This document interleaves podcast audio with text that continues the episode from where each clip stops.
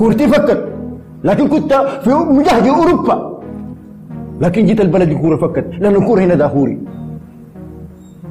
كورة دافوري هنا. أي شيء دافوري.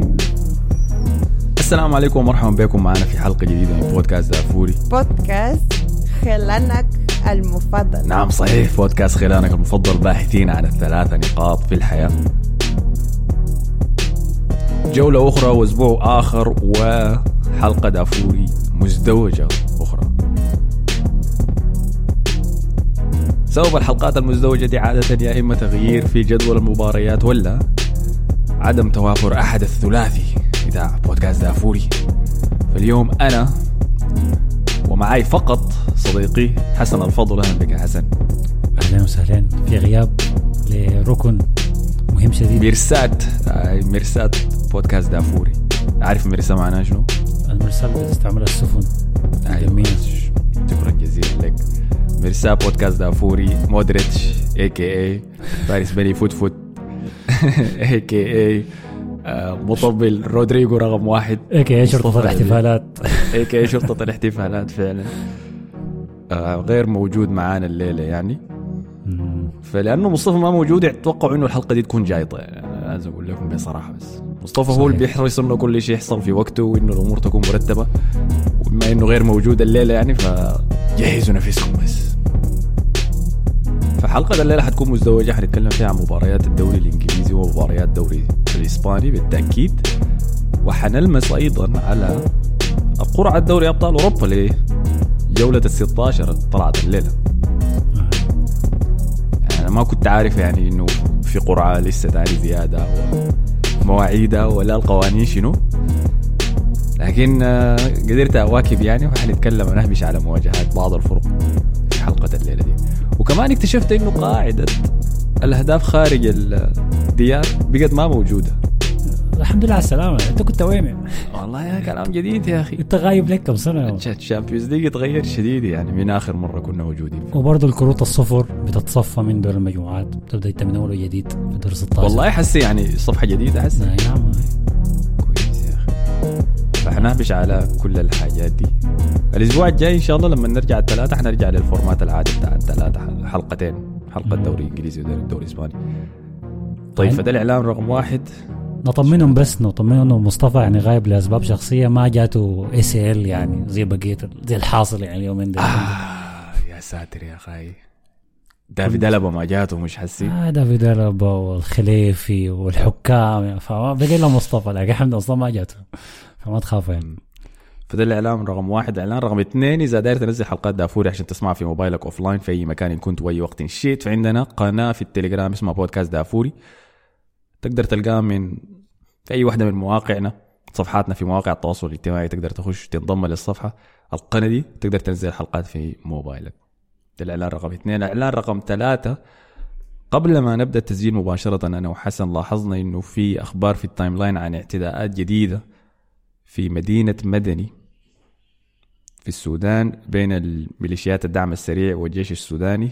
الأخبار دي كان طلعت امبارح وكان في يعني شبه تأكيد إنه الجيش انتصر هناك وتم هزيمة الجنجويد ولكن الأخبار طلعت حسي وشكلها سيء مم. فأثناء ما نحن بنسجل الأخبار دي يا دوب طلعت نحن ما عارفين إذا الكلام ده حقيقي ولا لا يتأكد ولا لا. ولكن نتمنى إنه كل الناس الموجودين هناك تكون بخير وتكون دي إشاعات ساية يعني حقيقة. آه ربنا يكون في عون أهلنا في مدني. يطمنونا عليكم أي زول بيسمعنا من هناك يطمنا على الوضع. واحد من أصدقاء البرنامج موجودين في مدني ولا ولاية الجزيرة عامة ورونا الأوضاع عندكم كيف؟ وإن شاء الله يعني أتمنى إنه ما أصحى بكرة الصباح وألقى إنه الكلام ده حقيقي وحصلت آه، خسارات إضافية. ده غير يعني كمية الحسرة والامتعاض يعني من موقف الجيش السوداني في كل المواجهات دي يعني. لأنه الكلام ده إذا طلع حقيقي وبعد ما طلعوا الناس ديل من الخرطوم وجو مدني ولحد حسي لم يتم ردعهم معناها دي مشكلة كبيرة أكبر بكثير مما كنت اتصور آه. آه تبقى مصيبة. هاتوا ربنا يكون في عوننا بس. لكن المضحك المبكي في الموقف ده تعليق أحمد صلاح اللي قال قال لك يا أحمد الفيل يرجع للصدارة مؤقتا زي احتفال الجيش في مدني فإن شاء الله آه الله ما تقارننا مع. الجيش السوداني لا لا لا ما تقارننا مع الجيش السوداني. والصداره دي ما خلاص أنا أنا وريتكم حيحصل فيها شنو. فانا داير أتكلم عن الصدارة بالتأكيد وكان في مواجهة القمة بين مانشستر يونايتد وليفربول. لكن صراحة في زول تحت ضغط كبير شديد. ضغط أكثر من تنهاك ذاته يا حسن. أنا أتحدث عن شافي هرنانديز. مدرب برشلونة أنا حاولت ألهيك عشان ما تجيني بغاد يا مان لا لا لا, لا, لا.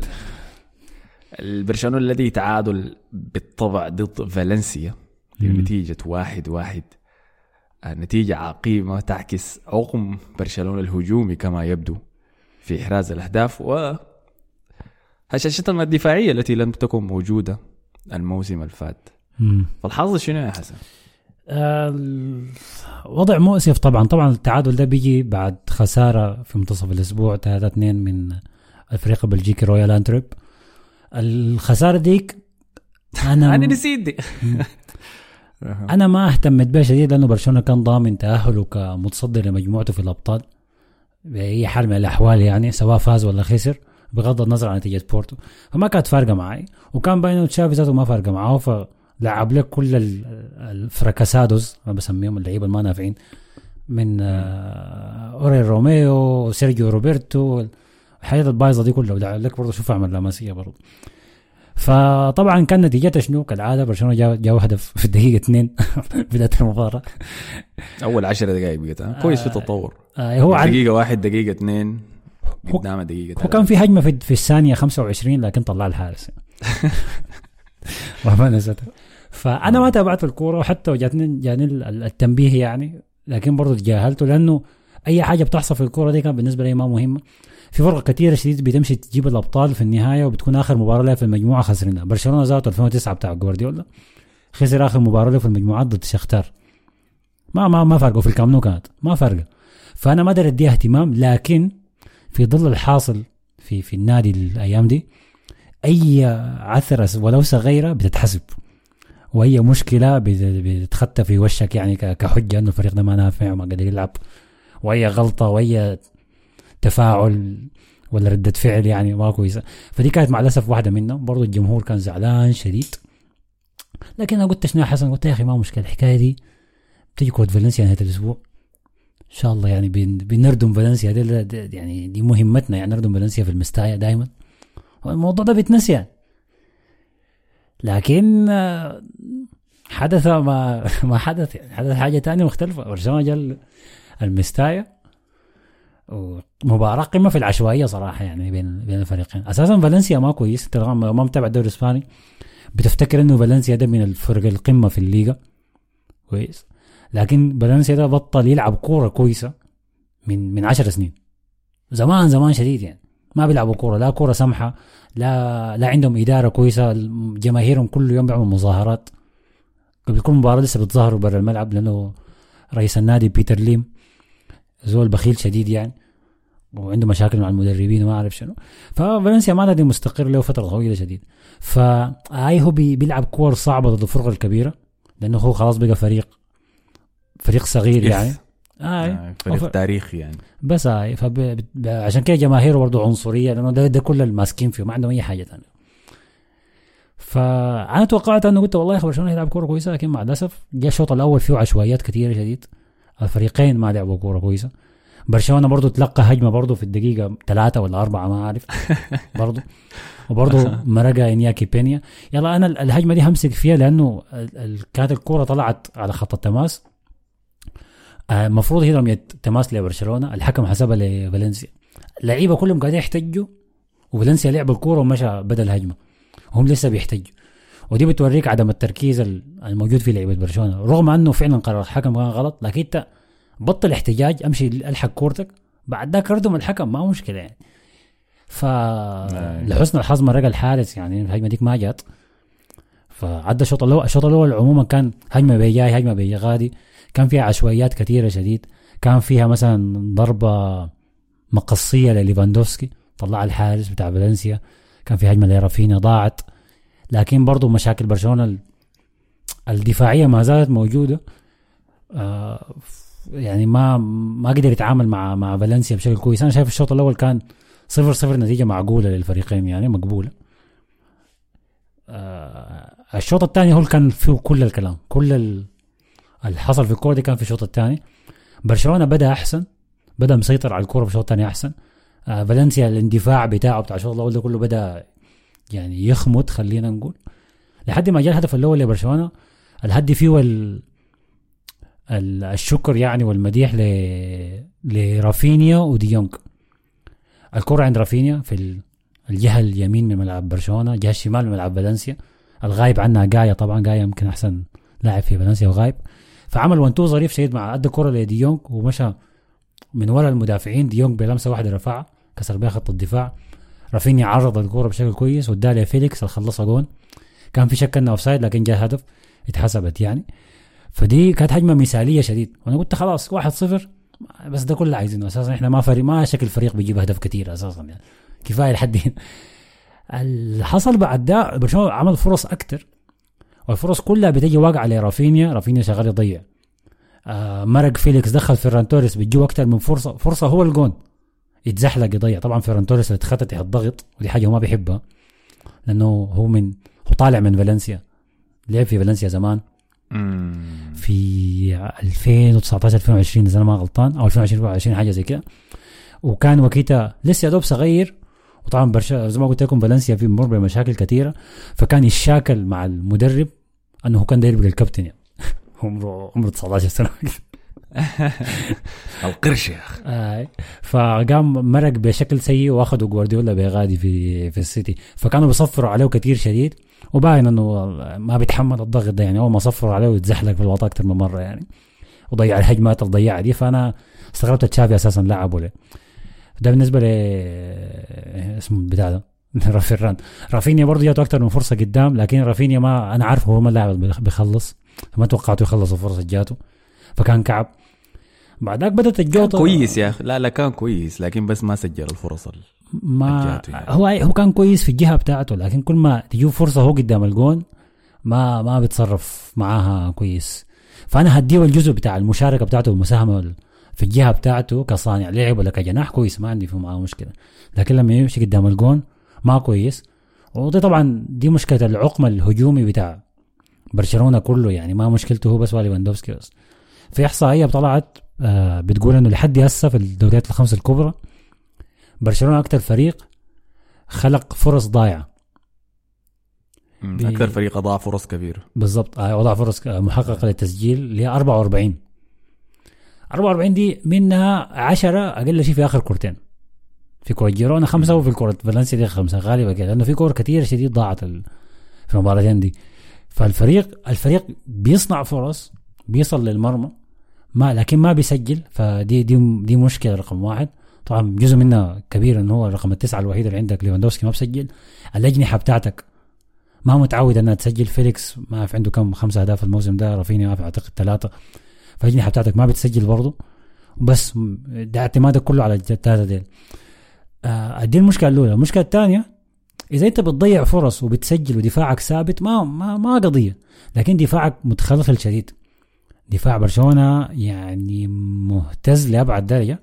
وده اللي يتفسر يعني في هدف فالنسيا. أنت لو شفته الكرة دي اتلعبت عرضية من الجهة اليمين.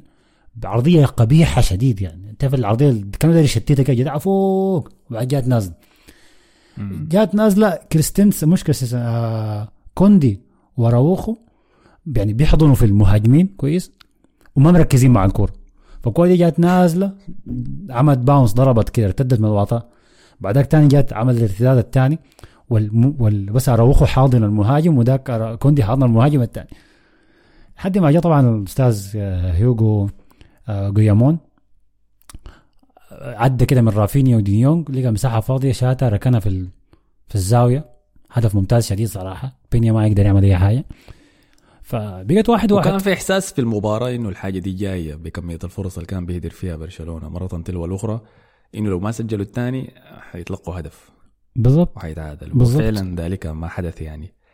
بالضبط. آه. ثاني كان في وابل من الفرص اللي صنعت لك وبرضه ضاعت. أنا ما أدري أمسك وقت يلا طويل في في أحداث المباراة. أم، لأنه شفنا السيناريو ده أكثر من مرة الموسم ده مع برشلونة. أنا لما أعاين للوضع الحالي ده وكمية الفرص المهدره من الثلاثي الهجومي ولعيبة الوسط اللي بيساندهم برضه بشوفها مشكلة آه، ثقة أكثر في اللعيبة. والله ضغط نفسي هم عايشين به قاعد يترجم لإضاعة الفرص الكمية دي. لأنه بلقى المهاجمين بياخذوا تسديدات من أماكن إذا مرروا فيها الكورة بس تمريرة واحدة إضافية يقدروا يسجلوا ببساطه يعني سواء كان رافينيا فيليكس آه، توريس وسبحان الله بتكون دائما ليفاندوفسكي بيكون متوفر جوا الصندوق يعني إذا مرروا له حيكون عنده تسديد لكن ما مرروا له. لكن ما مرروا له أيوه آه. فده بعد ذاك بيترجم إنه شنو ليفاندوفسكي حسي موجود تحت ضغط إنه لازم يسجل والأجنحة عشان يبرروا أماكنهم تحت الضغط الموجود عليهم ده لازم لازم يسجلوا. يسجلوا. أيوه. فأنا عشان كده ما قاعد ألوم اللعيبة على إهدار الفرص دي لكن بلوم البيئة اللي هم موجودين فيها الخط عليهم الضغط يلا. طيب ده بخط المسؤولية على منه سؤال كويس شديد وممكن نظرة كويسة للحاصل. جزء من المسؤولية دي للأستاذ تشافي. تشافي الجزء الأكبر أيوه, أيوة. آه، أنا شايف لحد هسه تشافي يعني عنده مشاكل كثيرة جوا الميدان لكن من مشاكله الكبيرة مؤتمراته الصحفية. والمؤتمر الصحفي بي بيديك يعني انعكاس للمدرب ده بيقول شنو للعيبة في غرفة الملابس. أنا با- باخدها كده. تشافي في المؤتمر الصحفي اللي قبل كرة فالنسيا في المستايا دي قال دي مباراة نهائي. ده final هنلعب كويس وهنفوز ما أعرف. ده كده براه يعني خت الضغط على نفسه ضغط. من غير ما في زول يسأله يعني. لأنه انت جاي خسران من جيرونا نفس حكايه جيرونا. ده نهائي ودربي ومع كورة صعبة. كورة قبل ده نهائي. يا يا ابني ما ممكن يعني. أنت لعيبتك ده ما متحملين الضغط ده كله. إحنا كل زول عارفين إنه كل واحد من اللعيبة ده عنده مشاكله. فيليكس شا يعني ما بيجوا النوم بالليل بيحلم بسيميوني بيضربوا لما بيجلدوا الموسم الجاي. ليفاندوفسكي الجماهير قلبت عليه وهو ما لاعب كبير وما عارف الكرة الذهبية شالوه منه بتاعت الكورونا دي. رافينيا انت برازيلي انت ما برازيلي النقاشات دي. فاللعيبه دي كلهم مضغوطين وكلهم ما متحملين ال- الحاجة حاصله فانت المفروض إنه يا تمتص الضغط ده كمدرب وتعزل تعزلهم من المشاكل دي النفسية دي وتخليهم بس يركزوا في كورتهم كويس؟ ولا مثلا تحول الضغط ده لطاقة إيجابية؟ دي بيعملوها مثلا المدربين النفسيين يعني هم زي ناس آه، مورينيو والجماعة ديل وسيميوني ذاته يعني. اللي بياخذ الطاقة دي بيشحنك بيها وبيخليك تندفع. لكن تشافي تشافي حسي هذا مثال ممتاز لأنه حسي لما اللعيبة سيميوني ما يلعبوا كويس ابدا ما ما بتشوف حملات موجهة على اللاعب ذاته بتنتقده هو. لكن. التعامل بيكون مع سيميوني بيقول لي ده ستايل سيميوني الدفاعي؟ ده سيميوني تكتيكه ما قاعد يساعد ده سيميوني كذا كذا. فده جزء من حماية المدرب للعيبته في إنه المسؤولية تقع عليه هو ما تقع على على لعيبته. بالضبط. ده أكبر دلالة على مدرب ممتاز يعني ناجح. فشافي بتصريحاته زي ما أنت بتقول ما قاعد يدي اللعيبة البيئة الآمنة دي إنه ما في ضغط عليكم ألعبوا عادي. ما ضروري تسجل لي يا رافينيا كل مباراة عشان تضمن تثبت نفسك كصفقة ناجحة لبرشلونة وما نضطر نبيعها قال لا لا. اللعيبة كلهم عندهم إحساس إنه أنا لو الموسم ده ما جبت أرقام معينة حيبيعوني طوالي في الصيف الجاي. أي. وده ما بيضمن لك مكانك. فالمشكلة دي أنا حاولت أطيب أمشي أعمق من كده كويس لأنه في ناس في التعليقات برضو كان بت- بتدافع عن تشافي. يعني مثلا مصطفى عماد الدين قال مباراة أخرى ما الملام عليها تشافي. رافينيا مجتهد لكن ل 200 حيضيع وفيليكس غير الجون زيه زينا بيحضر صاي. أما ليفا مستمر في الخذلان بانتظار صفقة روكي وإن شاء الله تغيير من الحاصل ده. وقال المطالبين بإقالة تشافي البديل منه حيجي مكانه؟ هل أنت لما تقيل مدرب في وقت زي ده بدون بديل جاهز وبمنطقية؟ حاجة منطقية؟ لا. لأنه برشلونة ما عنده قروش لأي مدرب حيجي لأنه حيكون داير تفصيلات على أسلوبه. في حاجة اسمها imposter syndrome عارفها؟ آه ال imposter syndrome. ما عارفها لكن ما عارف ده اطبقها هنا كيف. على تشافي. متلازمة المحتال أو ظاهرة. المحتال كويس. هي شعور الشخص أنه غير مؤهل للقيام بعمل ما. فدي آه، أنا كنت قريت والله كتاب يا أخي ما متذكر بس اسمه شنو. بيهبش على ال- موضوع الضغوطات النفسية على المحترفين الرياضيين. وقال أكثر حاجة بيعانوا منها المدربين الرياضيين هي متلازمة المحتال دي ذاتها. فإنك إحساس إنك أنت ما قدر المهمة اللي أنت موكل بها. أنت ما بحجم وظيفتك اللي أنت مخول بها. فقام قال أكثر حاجة ملاحظة في المدربين ديل إنه لما يجوا ياخذوا أول وظيفة كبيرة لهم في مسيرتهم يعني زي شافي مثلا كان في السد مشى لبرشلونة. قال في أول موسم قال أول سنة مثلا التوقعات بتكون مخفضه له لأنه جاي من مكان صغير. فما بيحس بإحساس متلازمة المحتال ده لسه. وقال عادة في المواسم الأولى دي بيأدوا كويس. ليه؟ لانهم لسه ماشيين على ال... الأسلوب ال- اللي انتهجوه في وظيفتهم السابقة. يعني الحاجات اللي سواها شافي في موسمه الأول مع برشلونة كانت الحياة اللي سواها في الست لما كان قاعد يتعلم يا دوب التدريب وكده. فكلها كانت حاجات إيجابية رفعت الفريق فل قال متلازمة المحتال بتظهر في ال- في الم- في المدربين ديل. لما نيجي لموسم إثبات ال- النفس إثبات. أحقيتهم يلا بالمنصب اللي هم عندهم له ده. فالشافي هو في المرحلة دي حاليا. فعنده شكوك جوا نفسه هو ذاته إنه هل أنا كافي إني أكون مدرب برشلونة الأول ولا لا؟ وده بيترجم في تصريحاته بتاعت إحنا لسه في موسم بناء. إحنا ما في زول هنأني إنه إحنا وصلنا دوري ما قلت لي 16 مبروك يا أخي أنا مشيت دوري الأبطال ليش أيوه بس بيحاول يفتش عن تأكيدات من الخارج. لاحساس النقص بتاعه ده إنه أنا ما كفاية فداير الإثبات يجي من برا داير الإثبات يجي من الصحافة داير الإثبات يجي من الإدارة داير يثبت- إثبات يجي من برا فلما يكون المدرب نفسه حاسس بإحساس النقص ده ما بيقدر يحمي لعيبته فدي ترجمة الموضوع ده يعني فقمت قلت أوكي أنا شايف يعني أنا بتفق مع النظريه دي لحد هسه في موضوع شافي طيب الحل شنو؟ كيف شافي يتجاوز الموضوع ده؟ فاطلع في الكتاب قال إنه عادة عشان المدربين ده يتخطوا حاجز متلازمة المحتال دي قال محتاجين فشل كبير. يا سلام. قالوا ما يعني ما بتحس بإنك أقول لك شنو ما بتتجاوز أسوأ مخاوفك إلا لما تتحقق. يعني دائما بيقول لك الإنسان اللي خسر كل شيء ما عنده شيء يخسره فبعد ذاك خلاص بيبدأ. ف فيبدو. إنه شافي محتاج يعني حدث كبير كده يحس كده فيه بالفشل التام. وبعد ذاك يتجاوزه فيقوم يقتنع إنه شنو؟ آه أنا حصل لي عب شيء كنت خايف إنه قدرت أتجاوزه وخلاص يعني.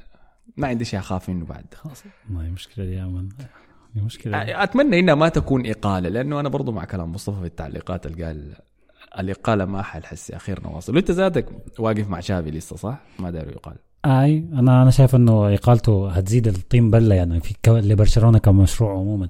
لكن بالنسبة للموضوع بتاع. المتلازمة اللي انت بتقول عليها دي آه، ده يعني كلام منطقي صراحة لحد الآن. ال- ممكن ممكن أأكده بحكاية إنه تشافي مثلا رفض إنه يجي لبرشلونة آه لما كومان كان موجود أيام أول ما أول ستة شهور اسمه لابورتا ذاته قال لا ما داير أجي. استنى لحد ما تم إقالة كومان بعد ذاك وقتها قال أنا ما داير أجي والوقت بدري وما أعرف شو. فاحتمال فعلا هو يكون شاك في نفسه. الحاجة الغريبة إنه هو هو يعني مش مش بس فاق التوقعات في موسمه الأول موسمه الثاني جاب الدوري. يعني المفروض إنه ما يعني لو لو كان جوه المتلازمة دي كان المفروض تجيه السنة اللي فاتت. مفروض يعني بالمنطق لا لا لا. أنا أنا بعامل موسمه ال- الأول هو الموسم اللي فاز فيه في الدوري ده ذاته. لكن الستة شهور القبالة اللي كان في الشتاء ديك بعتبرها زي فترة تأقلم بس. والله لأنه التوقعات ما كانت عالية عليه في موسمه الأول. الموسم الأول اللي فاز فيه بالدوري ده ما كان بالعكس هو أنا. شايف إنه كان في ضغط عليه وبالذات إنه الإدارة ضحت ماليا كثير شيء كثير شديد في الصيف ذاك. يعني بعد ما هو أثبت نفسه في الست شهور الأولى بعد ده قاموا ضحوا ماليا عشانه فأثبت نجاحه بال- بالدوري اللي جابه. فأنا شايف أوكي دي كان يعني تطور ممتاز. لو كان فشل الموسم اللي فات كان أقول لك أي 100% زول ده ما شاك في نفسه.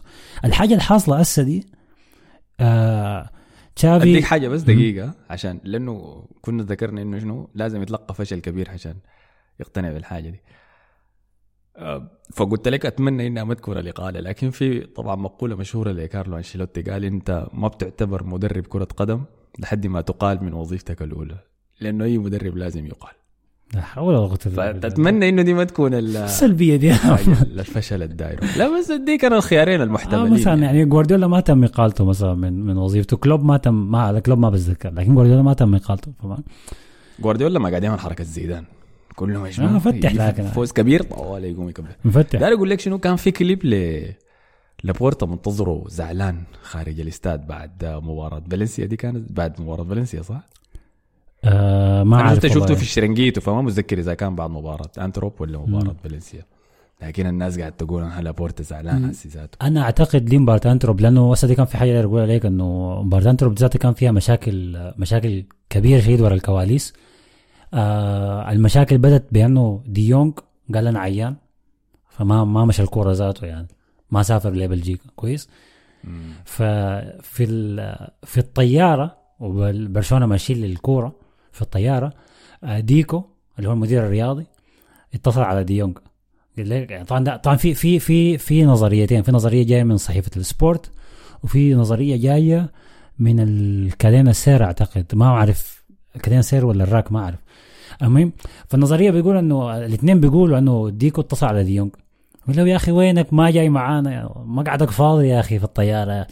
فديونج قال له يا أخي أنا والله عيان يا أخي عندي وعكة ونزله وكذا ما بقدر يعني تعرف عندي شافع جديد. قالوا لك قلت يعني ديونج زهجهم بحكاية الشافع الجديد اللي جابه ده كل شويتين بيجيب سيرته.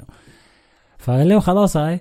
قال له لكن أنت إذا ما جاي طبعا ده السيرة بتاعت السبورت قال له إذا أنت ما جاي يعني بسبب مرض ما ما ما وريتنا إنه فعلا أنت عيان ما رسلت لنا أي توثيق ولا ورقة بتقول انت تقرير عيان طبي. آه إنك أنت عيان.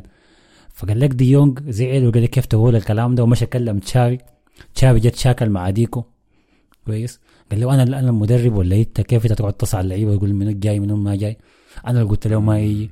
فلابورتا كان كان زعلان برضه من الجوطة الحاصله جوا دي. شوف شوف بيتشاكل ولا لما مع بعض عشان يهدي الوضع. فدي دي كانت نظرية بتاعت آه سبورت. أعتقد نظرية بتاعت الراك قالت لك إنه لا كانوا بيهزروا مع بعض في التليفون. لكن طبعا المشكلة شنو؟ آه وما حصلت مشكلة كبيرة. لكن المشكلة شنو؟ إنه في فترة زي دي أي خبر بيطلع فيه شوية سلبية يعني يتم تضخيمه. ولو ما حقيقي يبقى حقيقي يعني. حتى لو كان إشاعة فجأة الناس دي كلها تصدق إنه حقيقي. فدي دي, دي المشكلة دي المشكلة. برشلونة مر بفترة حرجة شديد. عشان كده أي كلمة بتتقال في الإعلام مهمة. تشافي لو أنت ما لو أنت حاسس فعلا بالمتلازمة دي يا أخي كذب فيك انت اليوم هيك اعمل نفسك واثق شديد. اطلع في اطلع في المؤتمر الصحفي. نبذ الصحفيين ديل. قول إحنا جبنا الدوري السنة اللي فاتت إحنا أحسن فريق في الموسم. رافيني ده أحسن لاعب كان في الدوري الإنجليزي معلم لما جبته. ما عارف لوندوسكي ده أحسن لاعب في العالم. كذب ما مشكلة. خدت ال- ال- الغلاف ال- ال- الما حقيقي ده. عشان شنو؟ لما الأمور تمشي كويس بعد ذاك تعدي فترة ديسمبر جانيوري فبراير تكون صلحت وضعك. لكن ما تزيد الطين بله وكل مرة تقعد تشتكي من ده وتشتكي من ذلك وبعدين تظهر برضه وسا في اللقطه اللي كان اللي ظهر فيها في مباراة فالنسيا لما ضاعت أكثر من فرصة. وهو كده راكع يا مان. كان مستسلم كده يعني كأنه هيهبط للدرجة الثانية. ليه ليه ليه, ليه الدراما الزايدة عن اللازم دي يعني؟ فدي دي أنا حاجة ما عجباني خالص يعني. وأنا وصلت وصلت لخلاصة بعد مباراه فالنسيا دي إنه إحنا الان بتكلم طبعا عشان الناس برضو ما تقول لي يا حسن يمسكوا عليه الكلام ده لحد آخر الموسم. العمل برشلونه في أول أربع شهور مما بدأ الدوري دي, دي ما دي ما طريقة فريق عايز يجيب البطولة خالص. لا شخصية لا أداء في الملعب لا لا كلام في الصحافة لا أي شيء. ولا واحدة فيهم بتوريك انه الفريق ده يجيب البطولة. إنت عادي ممكن تخسر مباريات وعادي ممكن تجلي نقاط وعادي ممكن لعيبتك يغلطوا. لكن الصورة الكبيرة بتقول انه الفريق ده متماسك أو ماشي كويس لقدام. برشلونة الحاجة اللي بيعملها دي دي حاجة بتاعت فريق قاعد يقع ما فريق يعني في النص. قاعد يتأقلم. آي. دي, دي حاجة بتاعت فريق يعني متفكك وبس القطع دي يلا يلا ماسكة بعض كده يعني. فأتمنى إنه أكون غلطان وأتمنى إنه كلامي ده ما يطلع صح يعني. ونرجع نيجي شهر اثنين ثلاثة يكون الوضع أحسن. الصادق المدريدي كان صورة شافي وهو راكع حزين ومعبرة جدا. هي ربما أصدق تعبير عن فريق يعيش في أسوأ مرحلة هجومية. الفريق دخل نفق مظلم وإقالة شافي ما حل هاشتاج إقالة شافي ما حل. آه لا لا ما حل ما حل خالص. والثاني محمد المهدي قال في مؤتمر صحفي شافي قال للصحفيين إنه ما في واحد فيكم هنأني بالتأهل لدوري ال 16 ودي المشكلة إنه أنت يا شافي ما قاعد تدرب فريق منتصف جدول عشان تقول الكلام ده. ويا ريته يبطل يقدم اعذار آه، طبعا قالها ب- قالها ب- ب- بهزار يعني بضحك ساي وبعدين جاوب على السؤال. لكن برضه هي النقطة أي كلمة هسه بتقولها تتحسب عليك. فركز أنت بتقول في شنو؟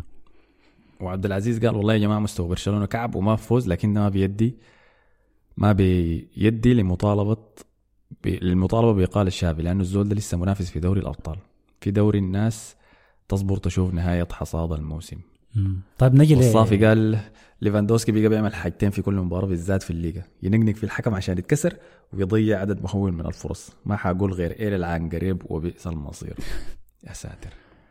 طيب طيب تقول شنو عشان نختم؟ آه، هاي نختم بالقرعة بتاعت الأبطال بالنسبة لبرشلونة مم. آه وقع مع نابولي.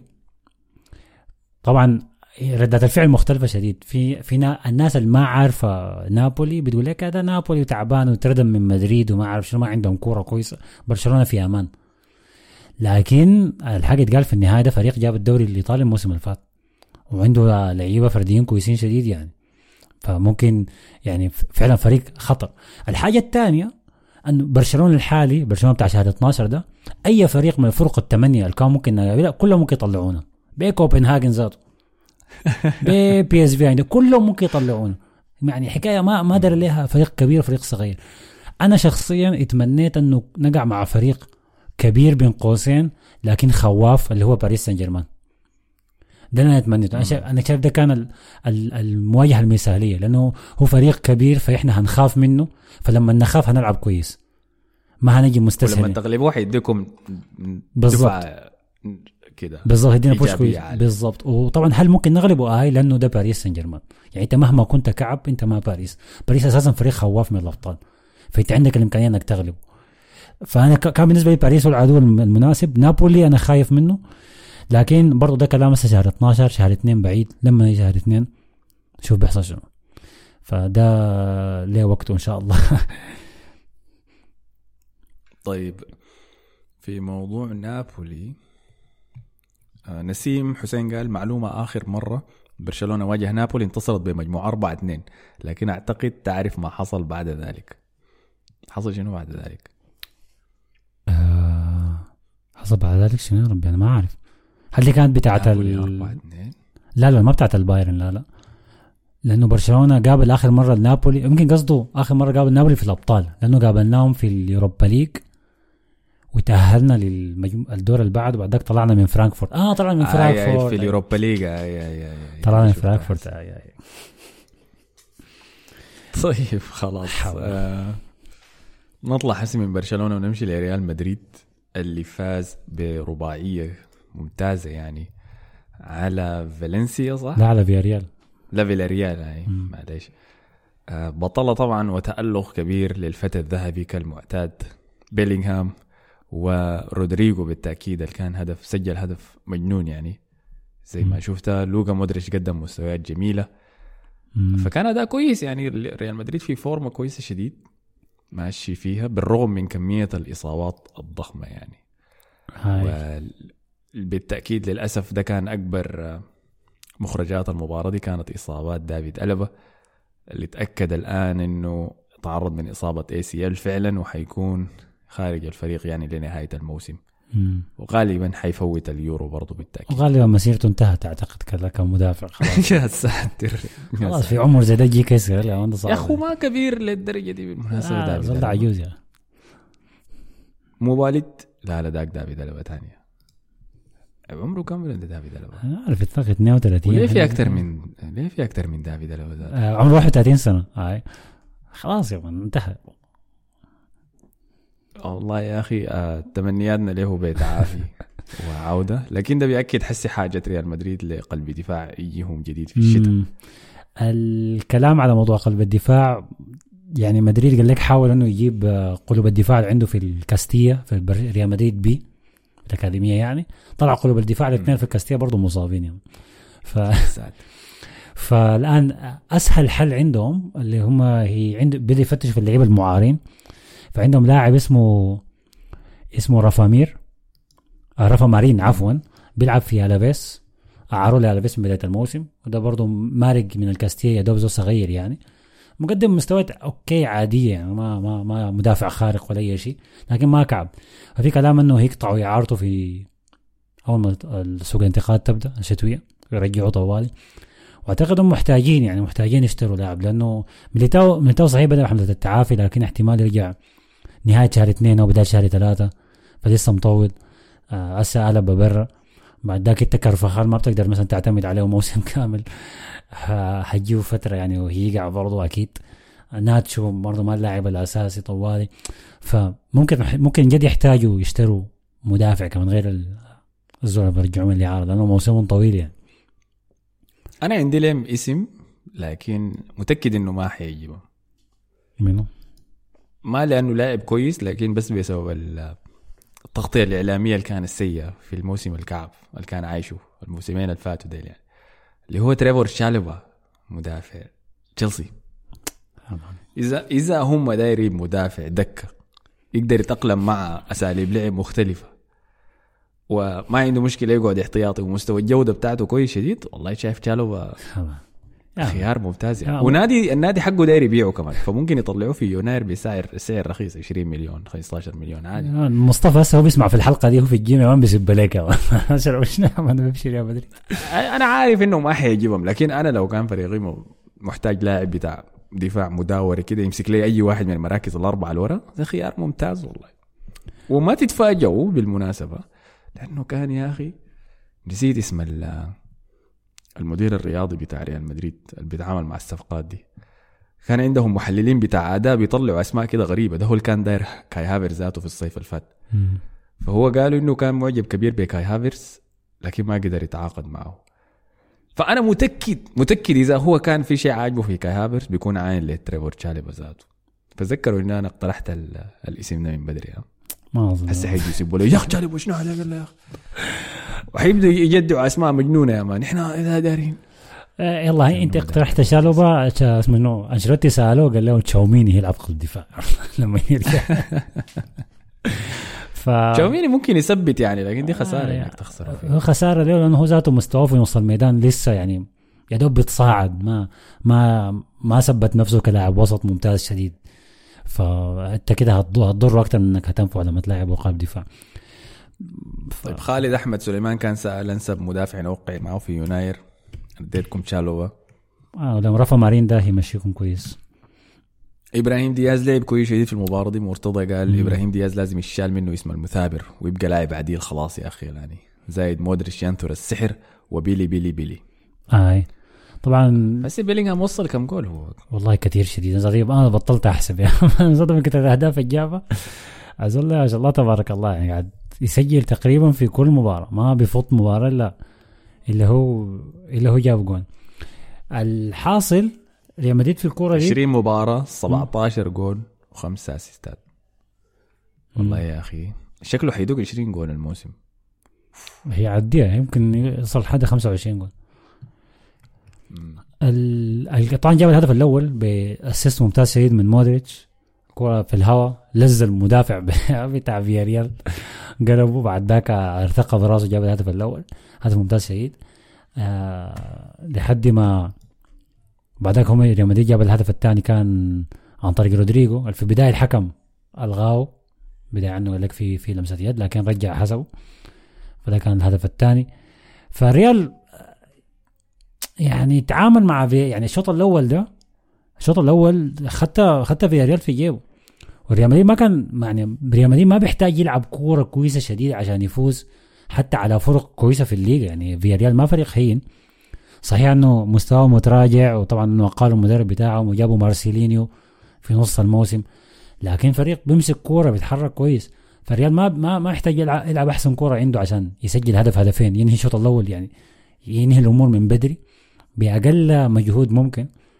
فده كان ده كان الشوط الأول. الشوط الثاني الشوط الثاني فياريال بدأ يمسك كورة أكتر لحد ما جابوا هدف هدف تقليص الفارق عن طريق خوسيه لويس موراليس بيسموه هنا في إسبانيا الكومندانتي. طبعا موراليس كان كان اللاعب الزعاط بتاع ليفانتي ذاك لو تتذكروا الجراي كده. بيردم بيردم أي بيردم فرق الليغا الكبيرة دي. آه طبعا ليفانتي هبط الدرجة الثانية فمشى لفياريال. ما دام هي نفس المحافظة محافظة أليكانتي فجاء بيلعب مع فياريال. فجاب الهدف التقليص الفارق. لكن الموضوع ده ما استمر طويل لحد ما جاء الهدف بتاع إبراهيم دياز. طبعا الهدف ده لازم لازم نقيف عنده. إبراهيم دياز اللاعب الكره دي أساسي لاعب مع رودريجو كمهاجم تاني آه استلم الكرة في نص الميدان وضاغطينه لعيبة وسط فياريال. بلمسة واحدة لفه لاعب الوسط ده خلاه يعني خلى الكره تلف من وراه وهو أخده وكده فتح لنفسه مساحات كبيرة شديد وانطلق. انطلق مساحات فاضية طبعا لحد ما يعني وصل منطقة قلوب الدفاع الاثنين راوغهم الاثنين وركنها بطريقة ممتازة شديد. يعني قمة الهدوء قمة الثقة في النفس. ده لو ملاعب تاني كان ممكن بعد ما قطع المسافة دي باصاها ل لرودريجو ولا أي لاعب مضمون عشان ما ياخد نفسه تحت الضغط. لكن تعامل مع الكرة كأنه بيلعب يعني في ريال مدريد له خمس سنين.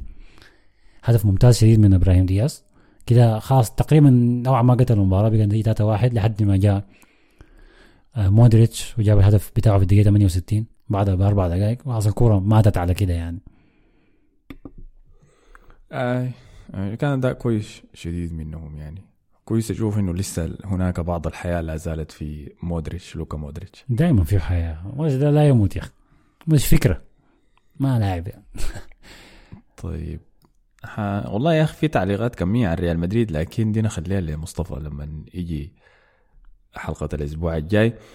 الشيء المهم حاليا إنه ريال مدريد وقع له في قرعة دوري أبطال أوروبا آر بي لايبزيج. فالقرعة عادة حاجة كويسة يعني. آه لايبزيج من الفرق اللي بيحب يلعب كرة قدم هجومية فحيساعد ريال مدريد كمان. هاي. يعني لاحظته في مباراة آه، فيلاريال وريال مدريد دي ذاتها؟ إنه المباراة فتحت بعد ما ريال مدريد سجل الهدف الأول. وده اللي بعد ده خلى فيلاريال يطلع قدام زيادة وريال مدريد يقدر يهاجم. وبديت ألاحظ فعلا موضوع ال deep blocks الغريقة الموجودة في الدوري الإسباني ده. يعني كل ما أفتح مباراة لبرشلونة بلقى الفريق ضدهم قاعد جوا صندوق وقاعد يدافع. وكل ما أحضر لريال مدريد بقوم بلقاهم قاعدين يهاجموا. فده بوريك أفضلية إنك تكون مرتاح إنك ما تكون مستحوذ في الدوري الإسباني. كيف؟ يعني اذا انت فريق ما بتحب الاستحواذ في الدوري الإسباني حتقدر تطلع نتائج كويسة. لأنك حتتجنب ال deep blocks دي. لكن ريال مدريد ما قاعد يتلقى الأهداف الأولى دائما زي برشلونة. هاي فبرشلونة بيلقى نفسه مرغم إنه يتعامل مع ال deep blocks دي يعني. بالظبط هاي ب- بيريح نفس الشيء من بداية الكورة بيجيب أول هدف هدفين بعد ذاك الكورة بتفتح زي ما هو عايز يعني بأقل مجهود. لايبزيج أنا يعني ما تابعت لايبزيج الفترة الأخيرة. أنا بعرف إنه عندهم عندهم فيرنر. عندهم تشافي سيمونز الشافع ده ال- العروس 600 فريق آه لعاب عندهم بالمناسبه يوسف لعاب ده بولسن. حيكون سبب مشاكل. آه هو شكله فنان الزول ده. عندهم ياش مريبة واحد من لعيبة برشلونة ديل. ف ما ما أنا ما شايفه فريق هين عليهم يعني. طبعا الإياب في ملعب في البرنابيو ما دام الريال كان متصدر فدي الحاجة اللي بت- بتفيدهم يعني. حتى لو مشوا ألمانيا وتعبوا في الذهاب الإياب بيتعاملوا مع الكورة و... والموضوع بيعدي على خير يعني. فما ما ما أسهل كورة وما أصعب كورة على هي الريال مباراتكم أنتوا هي حتكون الشديدة في الجولة دي. تاني ما في مواجهة كبيرة. واو لا لا في. برشلونة ونابولي هي حتكون أشد واحدة. أنا بالنسبة لي في مواجهة كبيرة. إحنا بعد ما نخلص كلامنا على ريال مدريد في بالنسبة لي في مواجهة تانية اللي هي أتلتيكو مدريد وإنتر ميلان. صح. هاي. دي م... لكن دي ما شد دي ما ممتعة. دي هي مباراة كويسة. لكن ما ممتعة. والله أنا ما أقدر أشوف إنزاجي دي إنزاجي ضد سيميوني. يا سلام. يا لكن أقول لك شيء. يعني بعد شوي حن- حنهبش على قرعة أرسنال كمان. لكن أنا الفريق الوحيد اللي ما كنت دايره من الفرق المتاحه نواجهها كان إنتر ميلان. ده الفريق الوحيد اللي أنا ما كنت دايره. لأنه أنا في رأيي إنزاجي ده من أفضل المدربين في أوروبا. عديل كده. عديل كده. مش بس الأفضل في الدوري الإيطالي لأنه مرضي إيطالي حاليا. من أفضل في العالم. عنده حلول مختلفة لكل شيء. واستخدامه للعيبته بيقدر يشيل لعيبة 10 يحولهم ل 8 يقدر يشيل 8 يحول ارتكاز يقدر يبدل على كيفه ما بأثر على فريقه آه. يقدر يشيل يمرق لوكاكو يدخل جاكو وفريقه يفضل يسجل لسه آه. آه. فخطير جدا يعني حقيقة وكويس إنه وقع مع سيميوني عشان شنو؟ ده من ال- المدربين الصعب إنه يقدر يلقى له. أقول لك كيف. يعني الفرق الاستحواذية الهجومية أسهل له انه يواجهها ينزاجي من الفرق الدفاعية زيه. بتتعبوا شديد حتكون. مواجهة تكتيكية شديدة لكن ما حتكون ممتعة يعني. آه ما ما حتكون كرة اللاعب. مفتوحة يعني حتكون كرة مقفولة. المدربين اثنين بيعرفوا بعض كويس شديد ويعرفوا يتعاملوا مع الكرة دي. أنا بالنسبة لي ده ما لقاء دور 16 ده دوري 8 أقل شيء يعني. صح هاي. يعني هاي. تجي مستوى. عالي شديد. أتلتيكو الموسم ده بيسجل أهداف كثيره آه يعني فريق برضه هجومي شويتين. الإنتر طبعا يعني دار يثبت إنه السنة اللي فاتت لما وصل النهائي ما كان صدفة. فلما جاء السنة دي مثلا باعوا أونانا وتخلوا عن كم لاعب الفريق ما زال متصدر الدوري الإيطالي آه، بيسجلوا أهداف كثير شديد بيردموا اي زول قدامه. يعني لو تارو ده لو تارو ده طبعا ده المهاجم ما في زول جاب له خبر لأنه بس مع مع الأرجنتين ما بيلعب كويس. لكن مع الإنتر الزول ده خ- يعني حاجة مبالغة. ف هتكون كرة سمحة شديد. أعتقد من سوء حظ أتلتيكو إنه وقع مع إنتر ميلان أكثر من نقول إنه إنتر ميلان ما محظوظ وقع مع أتلتيكو إنتر الناس ممكن مستهونة بقى ما خدتهم كفريق قوي لكن أنا شايفهم ممكن يصلوا عادي نص النهائي تاني السنة دي. في الأبطال يمشوا بعيد يعني هاي. والفريق الرابع الإسباني مواجهته في الدوري مم. الأبطال حتكون ضد باريس سان جيرمان اللي هو ريال سوسيداد. مساكين يعني أخذوا المركز الأول بعد تعب وما يعني أخذوا المركز الأول من الإنتر ذاته في المجموعات. وقعوا مع باريس. آه، حزينة والله يا أخي. آه حزينة شديد. يعني سوسيداد من من أكثر الفرق. أنا دائما بعيد وكرر أكثر فرق بتلعب كورة سمحة شديد في الدوري الإسباني. أكثر فرق فريق بيسيطر على المباراة بيتحكم فيها زي ما هو عايز. مشكلتهم بس إنهم ما بيخلصوا مشكلتهم إنهم بيرتبكوا في آخر 15 دقيقة. فمع باريس ما أنا ما أعرف ذاته يعني نسخه من باريس هم هيلاقوا شهر اثنين. يعني هل باريس نفسه اللي تأهل بالعافية؟ طبعا شفنا هيتاهل كيف؟ بالآخر لحظات وجوطة ومشاكل ويمبابي ينبس في إنريكي وحياة زي دي وديمبلي بيضيع فرص. ولا هيلاقينا باريس مختلف تاني في شهر اثنين الله أعلم يعني. بس آه حنشوف. هنشوف هيحصل شنو يعني. طيب كده خلاص غطينا كل ما يتعلق. بالدوري الإسباني. ما تشغلوا عليا بعدين في التعليقات ما اديت ريال مدريد كفايه وبتاع. الأسبوع الجاي لما يجي مصطفى يقدر يعزكم. ولا داري إني أطلع الأجندة بتاعتي ضد لعيبة الريال وأبدأ بمرق كل حسي. كله عن قريب. كلها أي أبدأ أدخل الناس دي الحاجة لكن فورمتهم كويسة شديد. يعني إذا كان دوري ال 16 حيتلعب حسي ريال مدريد كان حيكتسحوا براحة. آه طبعا. بس من شر الإصابات حازموا من شر الإصابات. طيب راح نمشي الدوري الإنجليزي. يلا وفلنبدأ بقمه القمة. الأسبوع المخيبة أيوه. كانت م- اداء ونتيجة وكل شيء.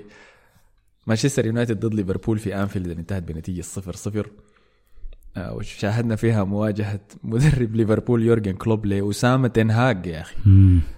العضو الجديد في قائمة المدربين الإرهابيين. الذي قدر يمرق بنتيجة مستحقة حقيقة. صفر صفر من أنفيلد إنك تمرق من أنفيلد بنقطة دي حاجة كويسة شديد. نعملها نعملها سؤال قبل ما نخش في التفاصيل. هل هل تنهاج كان كويس شديد إنه أجبر ليفربول يعني يطلع بنتيجة سلبية زي دي ولا ليفربول كان كعب شديد فهو ضيع الفوز من يده؟ الاثنين. الاثنين. ليفربول ذكرنا الحاجة دي في حلقة الأسبوع اللي فات وقلنا إنه ما قاعد يلعب كويس. ما قاعد يلعب كويس له فترة. في مباراة فولم ما لعب كويس. في مباراة لوتن ما لعب كويس يتعادل فيها واحد واحد. مباراة كريستال بالاس اللي فاز فيها 2 واحد برضه ما لعب كويس. مع إنه تصدر بأداء الكعب ده كان متصدر فترة يعني برضه ما وأنا قلت الأسبوع اللي فات إنه مركز ليفربول في الدوري مخادع. ال- الأداءات ليفربول ما بتترجم لمركزه في الدوري ده. المفروض يكون بين الرابع الثالث الخامس المراكز دي. لكن ليفربول متصدر نسبة لمستويات أفراد في تشكيلتهم ممتازة. مم. أنا بتكلم عن أليسون فان دايك محمد صلاح وترنت. ترنت ألكساندر أرنولد. مم. فالحاجة دي بتقوم تترجم لما يواجه الفريق فرق كبيرة ما لما يواجه الفرق الصغيرة دي. يعني إنك تفوز على فلان بأربعة ثلاثة في ملعبك دي ما حاجة كويسة. ومعاناتك ضد كريستال بالاس اللي قدرت تمرق منهم يعني بأهداف عشوائية جدا برضو ما كانت حاجة أنت بتخليك تحس بالراحة. فلما جات المباراة دي وسط ال- الزخم بتاع توقعات المشجعين والمحللين وحيقولوا آه ليفربول حيفوز بأربعة. الردم ليفربول حيفوز بخمسة. اي حيدون بل. وبرضه في حلقة الأسبوع اللي فات أنا قلت متوقع تنتهي تعادل. لأنه لما تكون التوقعات عالية كده الحاجة دي بتصل للعيبة ذاتها. فبيجوا داخلين المباراة على أساس إنه إحنا حنفوز بنتيجة كبيرة. آه. والأسوأ من ده بيتصل للمشجعين ذاتهم. آه. طبعا طبعا ف- خاتين في راسهم اللي حصل في السنة اللي فاتت السبعة بتاعت السنة اللي فاتت. ملقيه بظلالها لسه يعني على ال... فمثلا الحاجة المشهور بها أنفيلد هي الأجواء العدائية والتشجيع القوي من الدقيقة الأولى وكل الحاجات دي. لكن إذا حضرت المباراة كنت حشوف إنه المشجعين مولعين أول 10 دقائق بس. اللي كان مخطوط فيها يونايتد تحت ضغط ثقيل يعني مم. وبعد ذاك شوية شوية الناس بدأت تهدى تهدى تهدى لحد الشوط الثاني الناس دي نايمة عديل كده فده سببه شنو؟ إنه المشجعين ذاتهم جايين المباراة دي متوقعين إنه ليفربول حيفوز بسبعة ثمانية ستة ما في داعي. نشجع. ليفربول يفوز يفوز بنتيجة كبيره وكل ما الحاجة دي تأخرت وبدأوا يلاحظوا إننا إحنا بس في مواجهة يمكن نشوف فيها جون واحد إذا إحنا محظوظين الأجواء بدأت تموت فليفربول كان سيء صلاح قدم 70 دقيقة أولى سيئة شديد يعني. مم. في النهاية صح صح شوية. الما ساعده بالتاكيد كان مستويات داروين نونيز ولويس دياز السيئة جدا يعني في الخط الهجومي. بطالين شديد. بالذات نونيز ده. أنا فتحت الكورة أنا فتحتها متأخر شوية. فتحت الكورة كده الاقي لك نونيز أدى زول كوع ولا كتف قلبوا ليك وقاعد يضحك فوقه. بيضحك فوقه بعد ما ليه ليه وقعت؟ بعد ما ضربتك. بسم الله مش أدى إيفنز آه، كتف قوي شديد زي محاولة تنمر منه على إيفنز.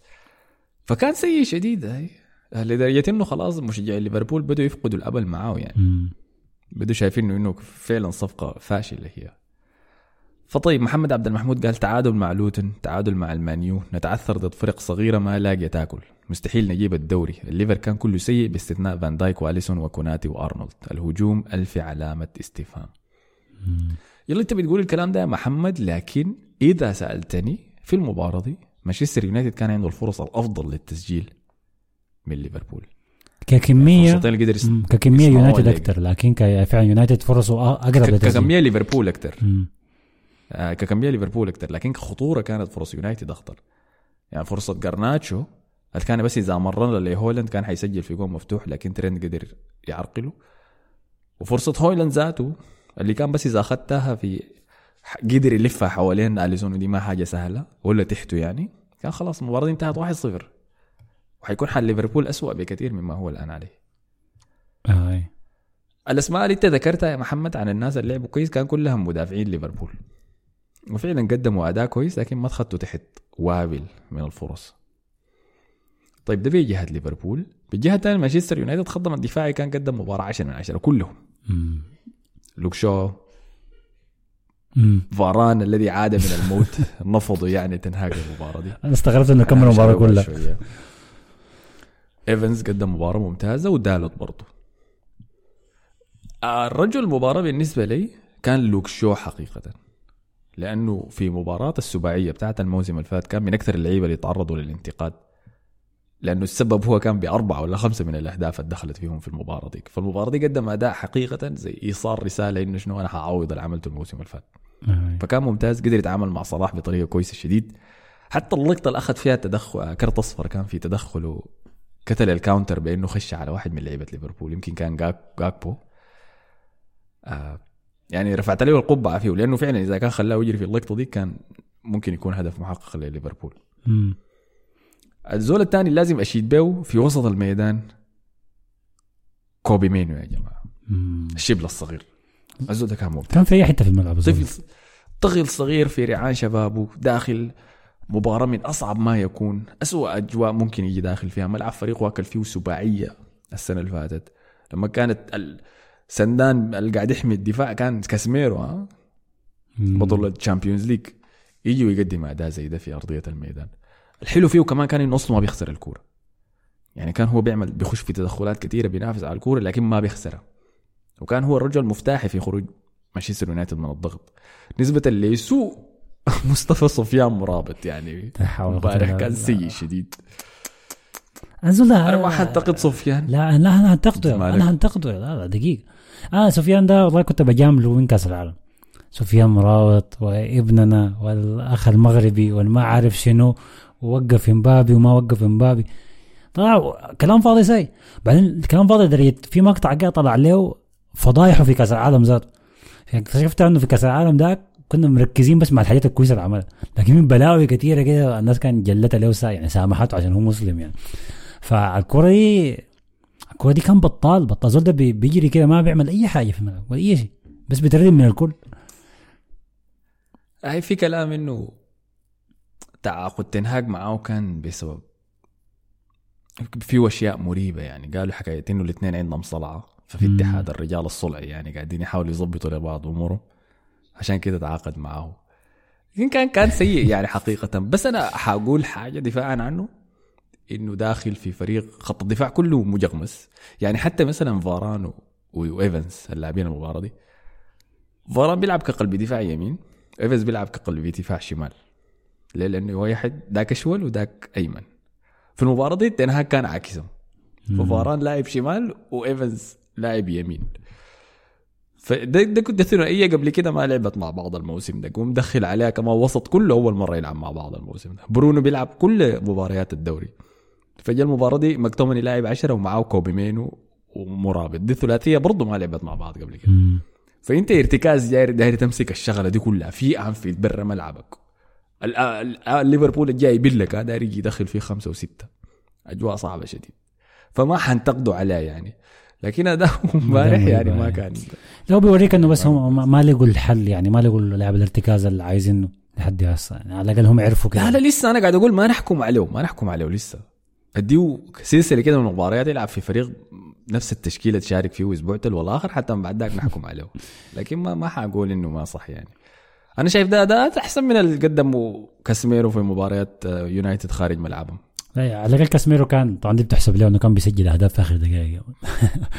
فدي بتغطي أي مصايب دفاعية بيعملها.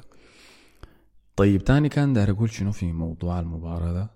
طبعا كان في الكرت الأحمر على دالوت في الدقائق الأخيرة. شفتوا دي ما آه؟ كان هو كان already كان عنده كرت أصفر وقام يحتج على هو مع الحكم. كان عنده كرت أصفر. ما بالله كان عنده كرت أصفر. آي هو كان في counter مارق فصلاح كان ماسك الكورة جارية الاثنين خشوا في الكورة على بعض حصل تدخلات بيناتهم. قام صلاح هو اللي مرق الكورة برا. أي. لرميه يد. فدالوت الاجواء مضغوطه الدقائق الأخيرة وهو جا راجع بعد ما عمل ال sprint عشان يقفل ال counter ده. الحكم قام جا ودى رمية اليد لليفربول مع إنه صل- صلاح هو المرقه okay غلط. بيحصل. فهمتني؟ فدالوت في الدقائق الأخيرة أصعابه أعصابه مولعة ومضغوط وكده. فقام ينفجر في الحكم يعني صرخ عليه وكورك عليه وده وحكم المباراة قام مايكل اوليفر أوليفر اداه الكرت الأصفر يعني على إنه صرخ عليه. مم. okay هنا ما, ما موضوع كبير يعني. ودالوت ما كان عنده كرت لحد هسه في النقطة دي في المباراة فاداه كرت أصفر الموضوع عادي. فدالوت في زعل زعله يعني كان لسه قاعد ينقنق. يا أخي والله هو ما عارف شنو وهو مرقه وهو قاعد يواصل يصرخ فيه. وقام مايكل أوليفر قال له أنت لسه بتكورك؟ سي الكرت الأصفر بالله لا حول. في أغرب قرار تحكيمي لا يعني لا فائدة له ما في أي سبب له المباراة قربت تنتهي وانت أصلا اديته كرت اصفر تقوم تقرر تديه كرتين صفر بس عشان كورك عليك. غريبة منك يا مايكل أوليفر أنت من من اسوء القرارات التحكيمية هو ما كان عنده تأثير على أحداث المباراة ويونايتد مرق بالتعادل كما يجب يعني اللي استحقاه. لكن من ناحية عدم وجود أي مبرر لكرتين صفرين صفر متتاليين في حالة زي دي ده كان أسوأ قرار تحكيمي أنا أشوفه الموسم ده. ده مايكل أوليفر لما كوفيزيتش عمل تدخلين في مباراة أرسنال والسيتي ديك في كاحل. اثنين لعيبة مختلفين في بعد خمسة دقائق من الكرت الأصفر الأول أخذوا ما اداه كرت أصفر ثاني آه. فديك okay إحنا ديك على الأقل التمسنا له حاجة كده في بس شوية كده في الموضوع لكن دي ما فيها أي مبرر ياخذ يديك دالوت كرت أحمر الاسوء من ده إنه كان عمل الحركه دي قبل كده في مباراة أرسنال دي دي كانت حاجت مارتينيلي مش؟ أيوه. اداه كرتين صفر في نفس اللقطة بعد ما الكرة وقفت. قال كرت اصفر بيغادي اصفر بيجي أطلع برا. الحركة دي ما في أي حكم تاني في العالم بيعملها ما في أي حكم تاني في العالم بيعملها وده مايكل أوليفر أحسن حكم في الدوري الإنجليزي. والله الحكم ده شكله قال لك الجولة دي شكلها هادية أنا ما شايف فيها جدل تحكيمي لا فار لا مشاكل خد يا man يلا. أمسك إيه ولا عليكم شوية. أنا عاين أوريك مفروض يحصل شنو لأنه أنا ندمت إنه أرسنال بعد حركة مايكل أوليفر في مباراة السيتي دي ما طرد كوفاسيتش كان مفروض يمشي يطلع البيان حقه طلعه بعد مباراة نيوكاسل. ما تنتظر لحد النتيجة النتيجه ما تخدي تخدمك. عشان تمشي تقدم اعتراضك يعني وتاخذ ضغط على التحكيم. لما تعملها في نتيجة ما ضرتك موقفك بيكون أقوى. لأنه بيدل إنه شنو؟ أنت أهميتك هي النزاهة وليس النتيجة التي خرجت بها من المباراة. مم. فأنا شايف إذا يونايتد أذكياء عندهم ذرة ذكاء بس إدارة يونايتد وهم ما عندهم لكن إذا كان عندهم امشوا حسي قدموا طلعوا تصريح يا man علني public statement زي ما عملوا باقي الأندية زي ما عمل ليفربول وزي ما عمل أرسنال تستأنفوا فيه البطاقه ال- الصفراء الثانية دي وتنتقدوا فيها قرار الحكم ده. ده المفروض يا- جاد. طبعا المفروض الحكم في لقطة زي دي بي أو بعد كل مباراة الحكم بيكتب تقرير تقرير المباراة وبيفسر فيه كل الكروت اللي طلعها وكل القرارات اللي اتخذها اتخذها. فهيفسر إنه أنا اديته الكرت الأصفر الأول لأنه احتج على قراري. بعد ذاك هم هي هي يحتجوا على تفسيره للكرت الأصفر الثاني شنو؟ لو هو اداه في نفس الاحتجاج أنا اديته كرت أصفر ثاني لأنه استمر في الاحتجاج دي يعني بسيطة شيء ممكن الاتحاد الإنجليزي يقيف معاهم يعني. لكن ممكن يكون دالوت قال كلمه ما كويسة. طلع كلمه من لسانه ما كويسة بعدك ممكن يكون ده سبب في صف هو كان كرته أصلا في عصيانه. يعني كر الكرت الأول كان لعصيانه أصلا. فممكن تديه كرتين على نفس ال... لا احتمال احتمال نبأ احتمال في ال ال ال بعد ما نزل الكرت الأول قال له كلمة كعبة قال له ما عارف شنو. احتمال هذا الت- التفسير الوحيد له يعني. لكن عموما يونايتد يعني ما ما ما تضرر. الصافي قال آه، مان يونايتد قدم masterclass دفاعي مجنون قدام ليفربول والنجم كان فاران وبعده طوالي اونانا وأنا شايف إنه في المباراة دي تنهاج عرف يقرأ كلوب بالطريقة الصح. فعلا. صحيح. عرف إنه ما لازم تهاجم في الملاعب الصعبة اللي برا ملعبك. دي سولاندو قال تنهاك ده شكله مورينيو ونحن ما عارفين لكن كورة رجال كما يجب. ولو كان قرناتشو أرجل شوية كان فازوا. حسن قال اليونايتد وتعريف الإرهاب الكروي المرة دي تنهاج احترم أنفيلد وكان بيقدر يخرج بفوز لولا رعونة عويرلاند ده هويلاند ده هويلاند خلينا نحكيش على موضوع هويلاند ده لما نيجي مهاجم ب 65 مليون 75 مليون ايا كان لنادي ويقعد بعدد المباريات بدون هدف بدون هدف وحيد في الدوري دي حاجة مقلقة حقيقة يعني أنا قاعد أشوف لعيبة كميه تانيين قاعدين يتعرضوا لانتقاد ثقيل يعني بسبب صيامهم التهديفي ولا واحد منهم بيسوء صيام هويلاند. يعني في المباراة دي فعلا كان عنده فرصة إنه يقتل المباراة تمام وينقذ فريقه ويمرقوا بثلاثة نقاط لكن لا ما في شيء آه هو هو مهاجم عادي شديد بالمناسبة. مهاجم عادي. أساسا أنا ما سمعت به قبل ما قبل ما أشوفه بيلعب ليونايتد. كان في أتلانتا كم ده ما معناه إنه زول كويس يعني. ما عشان بس اسمه هو ني بس لسه ني ني لا لا هو ممكن يكون ذاته كده هو كده أساسا. هو ممكن يكون كده. فما أنا ما متوقع منه أي حاجة. صغير لكن عمره 20 سنة ولا 21 سنة. يكون كده بس خلاص دي النهاية حقته. ممكن احتمال كبير يعني. فأنا ما ما ما شايل هم. وأنا قاعد داير أتكلم عنه يا أحمد هو اونانا أونانا okay أحكي. ال- طبعا هو قدم مباراة كويسة زي ما اتكلم عن خط دفاع يونايتد قدم مباراة كويسة لكن ده اتكلم عن مقابلته الصحفية مع سكاي قبل قبل اللقاء ذاته بتاع أنفيلد. ال- هو قدم مباراة كويسة بأقدامه لكن أنا ممكن أقول لك الزول ما يتبطل يستخدم يده في المباراة غير مرة والله. هي في مرة دفق الكرة بيده كده لحسن حظه ان نونيز ما كان مركز. من تز... دي, دي شنو؟ في في, في حارس بيعمل بيمسك بي- بيصد الكرة بالشكل الغريب ده؟ فده كان جوا الملعب لكن أنا تركيزي معه كان في المقابله اللي عملها برا الملعب مع سكاي نيوز سكاي سبورت عفوا. ال... و... لكن ده بوريك سوء ليفربول كان قدروا كيف انهم ما قدروا يختبروا آه كم المفروض يشوتوا من برا قال شنو لسكاي سبورت أنا لما شفت المقابلة دي بعد ما شفتها كده قلت ده, لاعب كورة ده ولا سياسي؟ شنو شنو شنو اللف والدوران الكثير ده؟ وشنو هو اللي بيحشر للمذيعة؟ خلاها تتردد في أسئلتها. شنو الكلام ده بدأت تسأله عن الأداء يونايتد الموسم ده وعن أداؤه هو فهو طبعا أي سؤال بيحوله لنفسه بس. أنا أنا ما كنت كويس الموسم اللي فات. الناس دي نسيت ولا شنو؟ أنا ما لعبت أنا أحسن حارس في نهائي الأبطال. أنتوا نسيتوا ولا شنو؟ لكن هاي كل شيء في الدنيا دي مؤقت. زي ذاكرة الناس برضه مؤقتة. أنا السنة اللي فاتت برضه أول جزء من الموسم ما كنت كويس كنت احتياطي. بعد ذاك مستواي يتحسن. فالسنة ما كويس. فالصبر بس يعني صبر والحكاية محتاجة وقت والناس ما تتكلم كثير سياسي زول ده ملسن فعلا يعني بيحكي قال كيف أحسن حارس في دوري الأبطال السنة اللي فاتت؟ يبقى اسوء حارس السنة دي. الكلام ده ممكن. آه يا. كيف الكلام ده ممكن؟ ما أنت أنت اللي كلمت فريقك مررته من دوري الأبطال. مستهبل يا مستهبل. آه، لكن أقول لك شيء يعني المباراة دي هو ما كان مهزوز.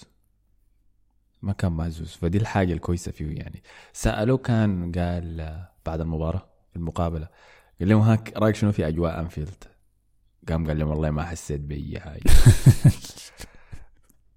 أنا أنا عجباني ثقة النفس وأي شيء ولا أمانع ذلك. لكن مشكلة أونانا إنه كلامه كبير وأفعاله صغيرة شديد. آه يعني ما مشكلة إنك تقول الكلام ده إذا الموس إذا الخمسه مباريات الجاية داير clean sheet داير تصديات داير تريح فريقك. لكن إذا حسي بعد أسبوعين جيت عملت كارثة تانية ده بيبقى كلام ساي بعد ده كلامك ده كلماتك ما عندها معنى يا أونانا. عشان كده سميته بالسياسة لأنه سياسيين كلام بس ما فيها فعل آه. بحسسك إيه السياسيين الأفارقة الفاسدين آه. وطبعا أنا ما أعرف هسه وضعه طيب. كيف مع كاس الامم الأفريقية بطولة امم أفريقيا هل هيمشي مع منتخب الكاميرون ولا لا ما عارف يعني هم لما يتعاقدوا معه يونايتد كان ال- يقال إنه الاتفاق بينه وبين تنهاج إنه هو ما حيمشي امم أفريقيا لأنه كان في مشكلة بينه وبين مدرب المنتخب مم. إذا متذكر آه. إنه هو مصر إنه يلعب بأقدامه واستحواذ ويبني من الخلف وكده ومدربه كان ضد الحاجة دي فاشتبكوا وقام غادر المنتخب مم. فلما يونايتد تتعاقد معه يتعاقد على مفهوم إنه ما حيشارك في أمم أفريقيا لكن يبدو إنه حصل تصالح يعني بيناتهم الاثنين وسيذهب فعلا الله لكن ما حنعرف إلا لما تطلع قائمة اللعيبة. والله منتخب الكاميرون ده التصالح يكون قروش يا مان يكون دفع للاتحاد الكاميروني قروش. ألعب كورتين كيف معاكم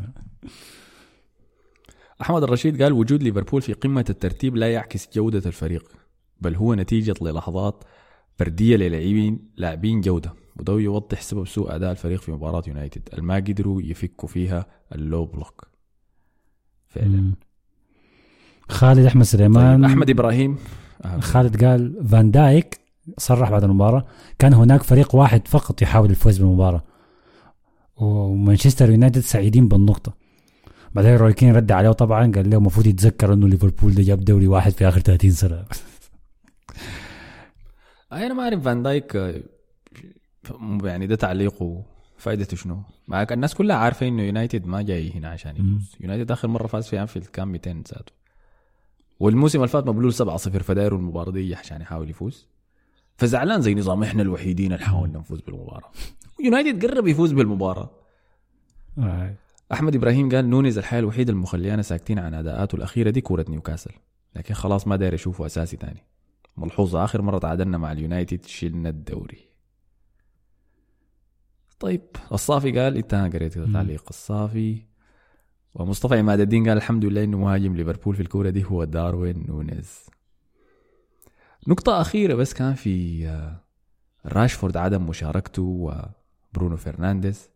شايف عدم مشاركة برونو فرنانديز خدمت الفريق. مم. يعني مصطفى عماد الدين ده كان قال آه، آخر نقطة كورة زي دي لو كان برونو موجود كان استفدنا من التحولات والارتداد بدل الهجمات العشوائية اللي حصلت دي. ويا لوك شو طلع صلاح من جيبك الكلام ده ما صح منك.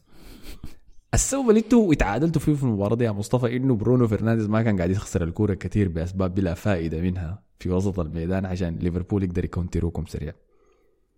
فأنت بتقول لو كان برونو موجود المباراة دي كان فزنا أنا أقول لك لو كان موجود كان خسرت. ما بالظبط. كنتوا تعادلتوا فيها. بالضبط بالضبط. آه، محتاج زول هادي أنت في ضغط الأنفيلد ده محتاج زول يركز في نص الميدان. م- عشوائيات برونو دي اللي قدام والفريق مضغوط ما ما بتفيد. آي. أما بالنسبة لراشفورد فأنا شايف والله لو كان شارك مكان جرناتشو بس يمكن أبدر شوية. كان ممكن يسجل. لأنه الفرصة اللي وقعت لجرناتشو إذا وقعت لراشفورد دي كان جول. آه لكن في النهاية السبب ما قاعد يلعب فيه راشفورد هو عدم مساهمته دفاعيا. والمباراة دي كان محتاجه مجهود دفاعي كبير من الأجنحة. أنتوني مثلا كان دفاعيا مجنون كان ممتاز. عليه إحنا قلنا أنتوني ده أصلا ظهير يمين يا جماعة ما جناح آه، هجوميا الطبخ أرنولد بالمناسبة يعني. ينضم لقائمة ال- الاجنحه لازم يا- أول 1 تو 1 يفوز مصطفى. قال نقول نعمل مصطفى قال نقول نعمل قائمة اللعبة النصابين مكتومني أول واحد وأحمد قال مكتومني لاعب مثابر. أحمد من ضحايا النصاب مكتومني. على جانب آخر هل الناس ملاحظة الشغل الشغل والتبييض والغسيل الإعلامي الحاصل في ختافي في ختافي لقرون وده. كمان تألق ومساعده شكله قرار الإعارة ده كان قرار ممتاز. اي يا اخ جرينوود شغال شغل خطير شديد في ختافي. طبعا ردموا اشبيليا 3-0 وقالوا مدرب اشبيليا بسبب الفوز ده بتاع ختافي 3-0 أكثر فريق ارهابي في الدوري الإسباني. فمكان يعني مكان مناسب للاعب زي ده. يعني أنا شايف سانشو ذاته يا man يودوه اعاره لخيتافي في الش- في الشتاء. يخليه يقعد هناك. هو سجل تاني كان آه آه. جرينوود؟ سجل هاي. كويس والله. طيب. فكان خلاص ده كل شيء عن ليفربول صح؟ مم. ما زال مركز مباراة ثاني. ليفربول الأسبوع القادم أيوة ضد المتصدر. حسي بعد تعادله ده اللي هو أرسنال يا مم. اللي غلب برايتون هوف ألبيون بنتيجة 2-0 في استاد الإمارات الأسبوع ده. الغير معروف ببرايتون ميونخ. خلاص أنا أنا هشيل منهم اللقب ده. كفاية. أي أنا شايله منهم بسبب الإصابات حقيقة. لأنه الناس بتيجي بتسمعنا بنمدحهم كده وبعد ذاك تحضر أداءاتهم الفترة الحالية دي في الدوري. وما بتوافي التوقعات يعني. آه، برايتون بيعاني من إصابات كمية يعني نسبة لمشاركته في اليوروبا ليج بالنسبة لجدول المباريات المزدحم أصلا ده يعني مع الكاس وكده. فخسروا كمية كبيرة من اللعيبة. آه، ده بيضطروا إنه مثلا يخشوا المباراة دي ضد أرسنال بميلنر كظهير شمال مواجها بكايو ساكا. في مواجهة انت انت حاجة ما داير تشوفها آه ولكن يعني أقول لك شنو؟ كان أداء ممتاز جدا من أرسنال اكتساح تام. برايتون مما ديزيربي بيدربه ما حصل ما سجل في مباراة. المباراة دي ما قدر يسجل ما يقدر يعمل أي شيء. الشوط الأول ما كان عنده ولا تسديد على هدف أرسنال فكان تكميم تام. كان شوط أول مثالي من أرسنال. بس المشكلة الوحيدة عدم ترجمة الفرص إلى أهداف. أي. المباراة دي الموسم الفات إحنا خسرناها 3-0 ضد برايتون. حصلت في النص الثاني من الموسم بعد إصابة سليبة وكل الحاجات دي. المباراة دي ومباراة الموسم الفات حقت الموسم ده والموسم الفات نسختان طبق الأصل من بعضهما. يعني الناس حتحاول تمدح كثير أرتيتا والضغط وأسلوب الضغط اللي استخدمه في المباراة دي لكن ده نفس اللي عمله في المباراة دي الموسم اللي فات الفرق الوحيد بين المباراه دي ومباراه الموسم اللي فات. اللي خلتنا نفوز فيها حسي هو الرجل في وسط الميدان. ديكلان رايس. اللي كان مانع برايتون من إنه يعمل أي شيء من البناء. في الشوط الأول وفي الشوط الثاني حتى إلا بس بعد ما سجل أرسنال الشوط الأول. حتى برايتون قدر يتنفس شوية. الرجل ده خرافي كان في أخبار طلعت في في تويتر قبل المباراة إنه ديكلان رايس احتمال ما يشارك فيها نسبة لمرض كان حايم وسط لعيبة أرسنال. اللي هو خلى مارتينيلي ما يشارك مثلا في مباراة الشامبيونز ليج وسط الأسبوع اللي فات. فطلعت تسريبات قال إنه ديكلان رايس ما حيحصل المباراة دي. ولما طلع التسريب ده طبعا الناس كلها كانت يدينا في قلوبها. لأنه كده خلاص ما عندنا وسط. وسط مبح ما في. فبعد ذاك بعد المباراة طلع وقال هو إنه فعلا هو كان حاسس إنه تعبان وكده لكن كان داير يشارك في المباراة دي ويساعد الفريق وكل شيء. والمجنون إنه شنو؟ بعد ده هو في رايي كان رجل المباراه يعني شوف هو لاعب وهو عيان وبعد ده هو رجل المباراه ممتاز. أنتوا يعني تحسدوا في ديكلان رايس صراحة. تحسدوا فيه فعلا يعني. أنا عارف إنه بعد فترة حيبقى ده شيء معتاد يعني وما حاجة امدح أنا ديكلان رايس في حلقة كل أسبوع لأنه حنتعود بس على المستويات دي لكن ده مستوى ما ده شيء ما طبيعي يعني. وحيحصل له نفس اللي حصل لسليبة. يعني سليبة برضه المباراة دي كان مجنون عديل كده لأنه بن وايت كان لاعب ضد ميتوما. وميتوما كان قاعد يخيط فيه ويعمل فيه الحفلات. المعتادة. يطبخ فيه. فسليبه كان بيطلع عديل كده من قلب الدفاع للجناح وينظف ميتوما. فأداء ممتاز كان من ديكلان رايس. هدف الأول جاء عن طريق جابريل جيروز جيزوس من كرة ثابتة corner. في الشوط الثاني وبعد ذاك القتل المباراة كان برضه من أحسن المؤدين في المباراة دي. كاي هافرتس. اللي ماشي في سلسلة تهديفية ممتازة يعني حاليا. متابع أنت الموضوع ده شايف؟ آه آه كاي هافرز ممتاز شديد. ممتاز شديد. بس الهدف بتاعه ده الانهاء الانهاء بتاعه الانهاء بتاع زول واثق من نفسه. في لقطه زي كده لما يقرب عليك المدافع والحارس أنت ممكن تتردد تشوفها بطريقة كعبه لكن شغال بهدوء شديد برود يعني. فدي دي حاجة كويسة يعني. طلعنا من الموجة بتاعت كاي هافرز الصفقة الفاشلة كيف كي هافرز اللاعب المفيد للفريق ودارين يبدأ أساسي. ولابد من وجوده. أيوه فعلا. شيء تاني كمان هو كان عنده أربعة كروت صفراء من بداية الموسم فإذا أخذ كرت أصفر في آخر ثلاثة مباريات دي شارك فيها. إذا كان أخذ كرت أصفر حيغيب عن مباراة حيكون عنده فصل من مباراة. والثلاثة مباريات لحد هسه ما أخذ ما أخذ كرت أصفر يعني. فأنا عاجبني شديد عجباني شديد مستوياته وثباته ده. آه، أنا ما شايف في فرق كبير في أداءاته الزمان والحسي. كل الفرق بس إنه حسي بيقى بسجل. فلما بيقى بسجل مشجعين آرسنال خلاص بيقوا بيطبلوا له وفرحانين بيه طبعا هي التسجيل دائما بيخفف الضغط على اللاعب. يعني هسه ديكلان رايس ممتاز شديد لكن الساعد انه الناس تركز على أداءاته. الناس اللي ما بتتابع الكرة بتفاصيلها هي أهدافه كان كان بيجيبها. فمع الأسف الكرة الكرة بتمشي كده. مع الأسف الأهداف هي اللي بتلمع أداء كله يعني. أيوه. زول تاني داير امدحه كمان في المباراة دي كان أوديجارد اللي كان مجنون. كان مجنون عادل كده المباراه كمان كان طبعا لاعب المباراة في عيد ميلاده. مم. فكان داير يسجل بأي طريقة ممكن وأنا كنت داير يسجل ذاته يعني كميه الفرص اللي وقعت له كانت كا أكثر من سانحة وكافية إنه يعمل ده لكن للأسف بس متوفق. لعب باص مجنون لبكايو ساكا. كان في الشوط الأول من المباراة بخارج القدم trivela كده آه. لف عليك حوالين. لويس دانك وميلنر. فداير أدي shout out. وأخيرا وليس أخيرا داير أدي shout out لإيدي نكيتيا يا أخي. ذكر النقطة اللي حكيتها لك بداية الحلقة عن مهاجمين برشلونة إنه أي واحد داير يسجل. آي. فما بيمرروا للزول اللي بيكون فاتح جوا الصندوق. المشكلة دي موجودة في أرسنال ذاته سببها بس بيختلف عن برشلونة. يعني في برشلونة أنت إذا ما سجلت إحنا دايرين نبيعك ولا حنقعدك دكه ولا ايا كان يعني. في أرسنال الحاجة دي ما موجودة لأنه إحنا عندنا ما عندنا دكة أصلا. غريقة للدرجة دي لكن سببها إنه اللعيبة ديل كلهم الموسم اللي فات سجلوا عدد كبير شديد من الأهداف. فدايرين يدقوا نفس الأرقام دي الموسم ده. يعني مارتينيلي داير يدق 15 جول. أوديجارد داير يدق 15 جول. ساكا صراحة عامل شغله. وجيزوس داير يسجل أهداف لأنه الناس بتقول أنت مهاجم ما بيسجل أهداف. فجيزوس الشوط الأول كان مقرف من ناحية إفادة للأجنحة اللي حوالينه. عشان كده بس داير أثني على ولدي يا أخي إيدي نكيتيا. لما جه داخل في المباراة دي لما صنع جون هافرتز كان في حالة ثلاثة ضد ثلاثة وحامل الكورة للصندوق. في موقف أنا شفته كثير في المباراة دي كان أوديجارد بيصل المكان ده بيشوت. كان ساكا بيصل المكان ده بيشوت. مارتينيلي بيصل المكان ده بيشوت. كان نكيتيا قرر إنه يمرر الكورة لشماله لهافرز عشان يمشي يسجل الهدف. شيء منتقد فيه وإنكيتيا كثير. لكن لما نجي يسويه إنكيتيا الناس ما بتكترث ما مهم. لكن مارتينيلي يسوي كده 10 مباريات في المباراة الناس عادي عندها فبس ده كل شيء داير ابشع عليه على أرسنال.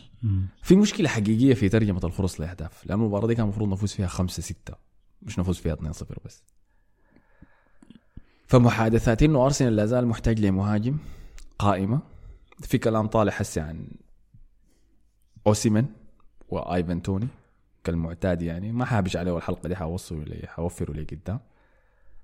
لكن عندهم مشكلة إنهم ما بيترجموا الفرص الكثير بيصنعوها قدام الهدف.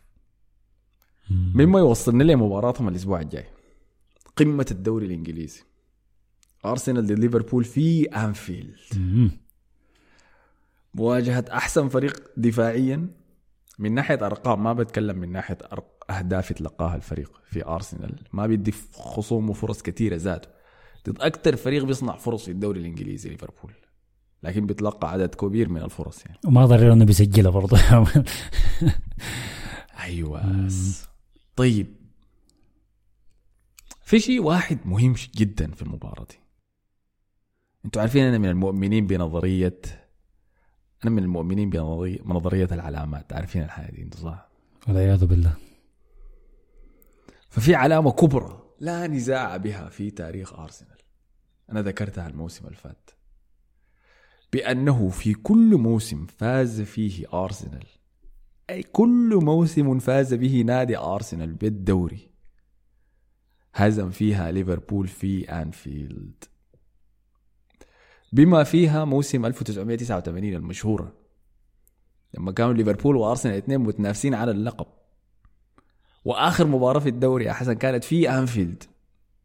بين أرسنال وليفربول. قام أرسنال جو غلب ليفربول في أنفيلد وفاز بالدوري. ومن يومها كتبت تلك اللعنة إنه أرسنال داير تفوز بالدوري. لازم تغلب ليفربول في أنفيلد. طيب أنا وأنا قلت من بداية الموسم أنا من أكبر المرشحين من شهر سبعة إنه أرسنال حيفوز بالدوري. فجينا لمباراة الحسم. وسبحان الله للفريقين الاثنين متصدرين منافسين بعض ورا بعض طوالي في الدوري.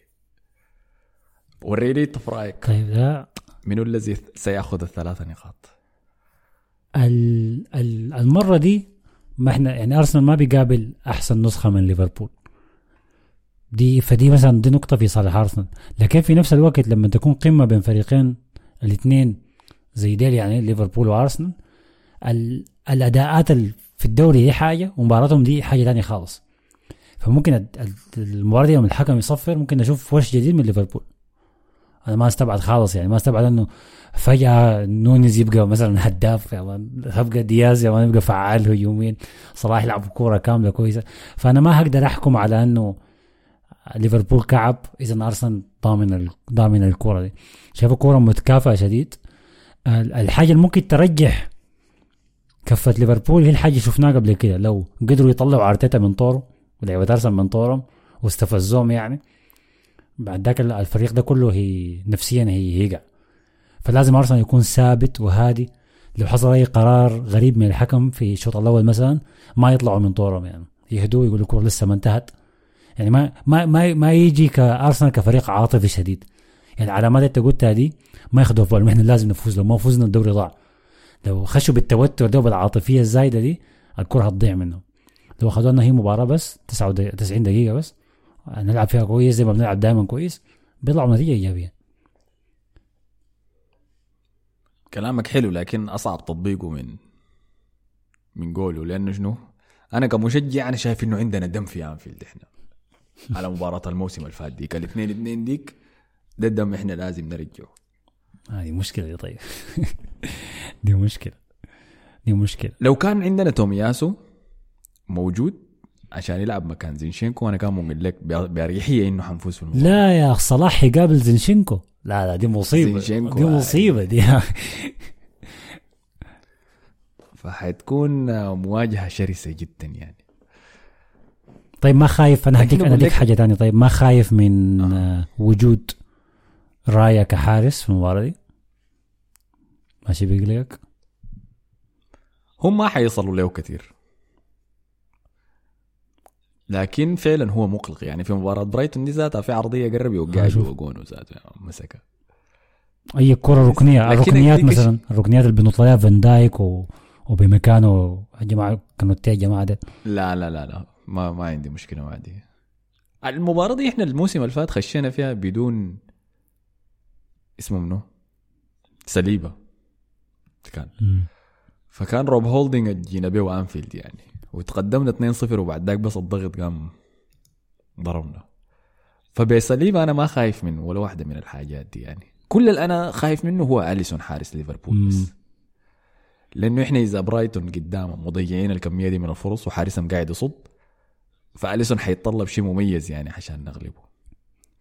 فمفتاح المباراة دي هو حيكون سبحان الله كاي هافرس. لأن أديك شيء لاحظته في كل مباريات أرسنال الموسم ده المباراة لما تكون نحن متحكمين فيها واللعيبة منظمين وقاعدين نلعب باصات تيكي تاكا كده وبتاع هافرز ما بيكون ظاهر. وبيكون ظاهر شكله عادي جدا إلى سيء يعني لأنه ما ما ما بيكون عنده مساحات كبيرة يقدر يتحرك فيها. لكن المباراة لما تكون فالته كده وأجواء مجنونة وهجوم على دفاع وكده بلاحظ إنه هافرز بيظهر شديد. لأنه هو بيقدر يقرأ المساحات دي ويتحرك فيها. ففي فريق ليفربول بدفاعهم ده أنا شايف إنه هافرز حيكون هو الفيصل. حتقع له هو الفرصة الح... الحاسمة بتاعت المباراة دي. إذا أخذها وفاز أرسنال في المباراة دي جهز جهز العالم هسه ها. جهز العالم وجهز ال... نعمل حفله في بيتك أنت ذاتك. أنا بجيك نعمل حفله مع بعض. كويس. المقدمة الجاية حقت الحلقة الجاية هتكون حاجة صعبة خلاص. الله الله يعينكم آه. أنت يعني شايف إنه هافرتس دي كورته؟ اي الب- اللي حيخيبني إنه نتعادل. يعني هي ما نتيجة كعبه. لكن أقول لك شنو؟ أنا شايف مفروض نستغل الفرصة دي ونغلبهم. فليفربول عنده مباراة قادمة منتصف الأسبوع يوم الأربعاء اللي هو إذا الحلقة دي تطلع الثلاثة فبكرة حتكون المباراة دي ملعوبة في ال Carabao Cup AKA كأس الكركديه ضد ويست هام. مم. وليفربول عندهم إصابات دفاعية كثير يعني روبرتسون برا وماتيب كان جاته ال ACL طبعا. فعندهم كوناتي هسي قاعد يلعب. إنتوا شفتوه في مباراة. يونايتد دي. كوناتي دي ما حاجة كويسة إنه يلعب كثير لأنه هو من أكثر اللعيبة الهشين يعني أنا بعرفهم في في تاريخ كرة القدم كله. كلوب بيستخدمه زي أقول لك شنو؟ زي العطر يا مان. كل فترة كده بس رشة واحدة وكان خلاص بيرجعوا الدولاب. الثاني ما تمشي. فحكاية إنهم حيلعبوا ثلاثة مباريات في غضون أسبوع واحد. حاجة حتصب في صالح أرسنال كمان. فحنشوف حتكون مواجهة مولعة شديد. دي أكثر مباراة أنا متحمس لها من بداية الموسم يعني ومنتظر عمر عمر أوبي قال لك لأول مرة من زمن الواحد ما خايف من زيارة أرسنال للأنفيلد ودي ذاتها حاجة تخوف. شفتك كيف؟ أنا أتمنى كزول محايد يعني أو كزول برضو توقع إنه أرسنال يجيب الدوري. أتمنى أشوف كورة كويسة بس ده كل اللي عايزه لأنه ال 45 دقيقة ضيعتها في يونايتد وليفربول دي ما عايز تضيع تاني من الأسبوع الجاي يا أخي. الدنيا اعياد والناس بتحتفل وكده أنا ما عايز أتفرج حاجة بتمغص البطن يعني. عايز مباراه سمحه فده بس ده كل اللي عايزه إنه أرسنال يلعب ليفربول يلعب ونشوف أهداف. صفر صفر دي ما أشوفها تاني. ما دايرهم يقفلوا يعني. ما حتنتهي صفر صفر. لو انتهى التعادل بينتهي واحد واحد لكن صفر صفر دي صعبة مم. شديد. طيب. ارسنال كان طلعت له قرعة ال Champions League الليلة ووقع ضد بورتو يا أخي. مم. فريقنا. اللي أي فريقكم الغلبكم هو في المجموعات صح؟ لا لا ما غلبنا إحنا غلبناه غلبتوه مرتين؟ يا أخي هانس اتبهدلنا لكن غلبناه جاي يعمل شنو- معانا بورتو ده حسي يا أخي. فريق صلب بالمناسبة ما ما يخدعك يعني. هو ما فيه لعيبة كويسين لأنه حاليا في الدوري البرتغالي بنفيكا هو الفريق الكبير. لكن فريق عنيد لسه بيبي بيلعب معاه بيبي عمك العجوز ذاك. فما تستاهل. يا سلام. كده حنلم الثنائية نحن. لأنه غلبنا راموس مع إشبيليا. سنمشي نغلب آه، بيبي. بورتو. يا سلام يا. ما تستهين أنا خيبتني حقيقة لأني أنا كنت داير فريق كبير. يعني مما جينا الأبطال إحنا الناس بتقول لنا الفروق الكبيرة الفروق الكبيرة وإحنا بنفتش فيهم وين الفروق الكبيرة. لحد هسه ما واجهنا زول. داير انتصار كده لأرسنال على فريق كبير عشان الناس تعرف. ما تستعجل. ما تستعجل على رزقك يا أحمد. أنت وصلنا إحنا خلاص. أول سنة أبطال. ما تستعجل على رزقك. كويس إنك تأهلت مركز ثاني من مجموعتك دي حاجة كويسة.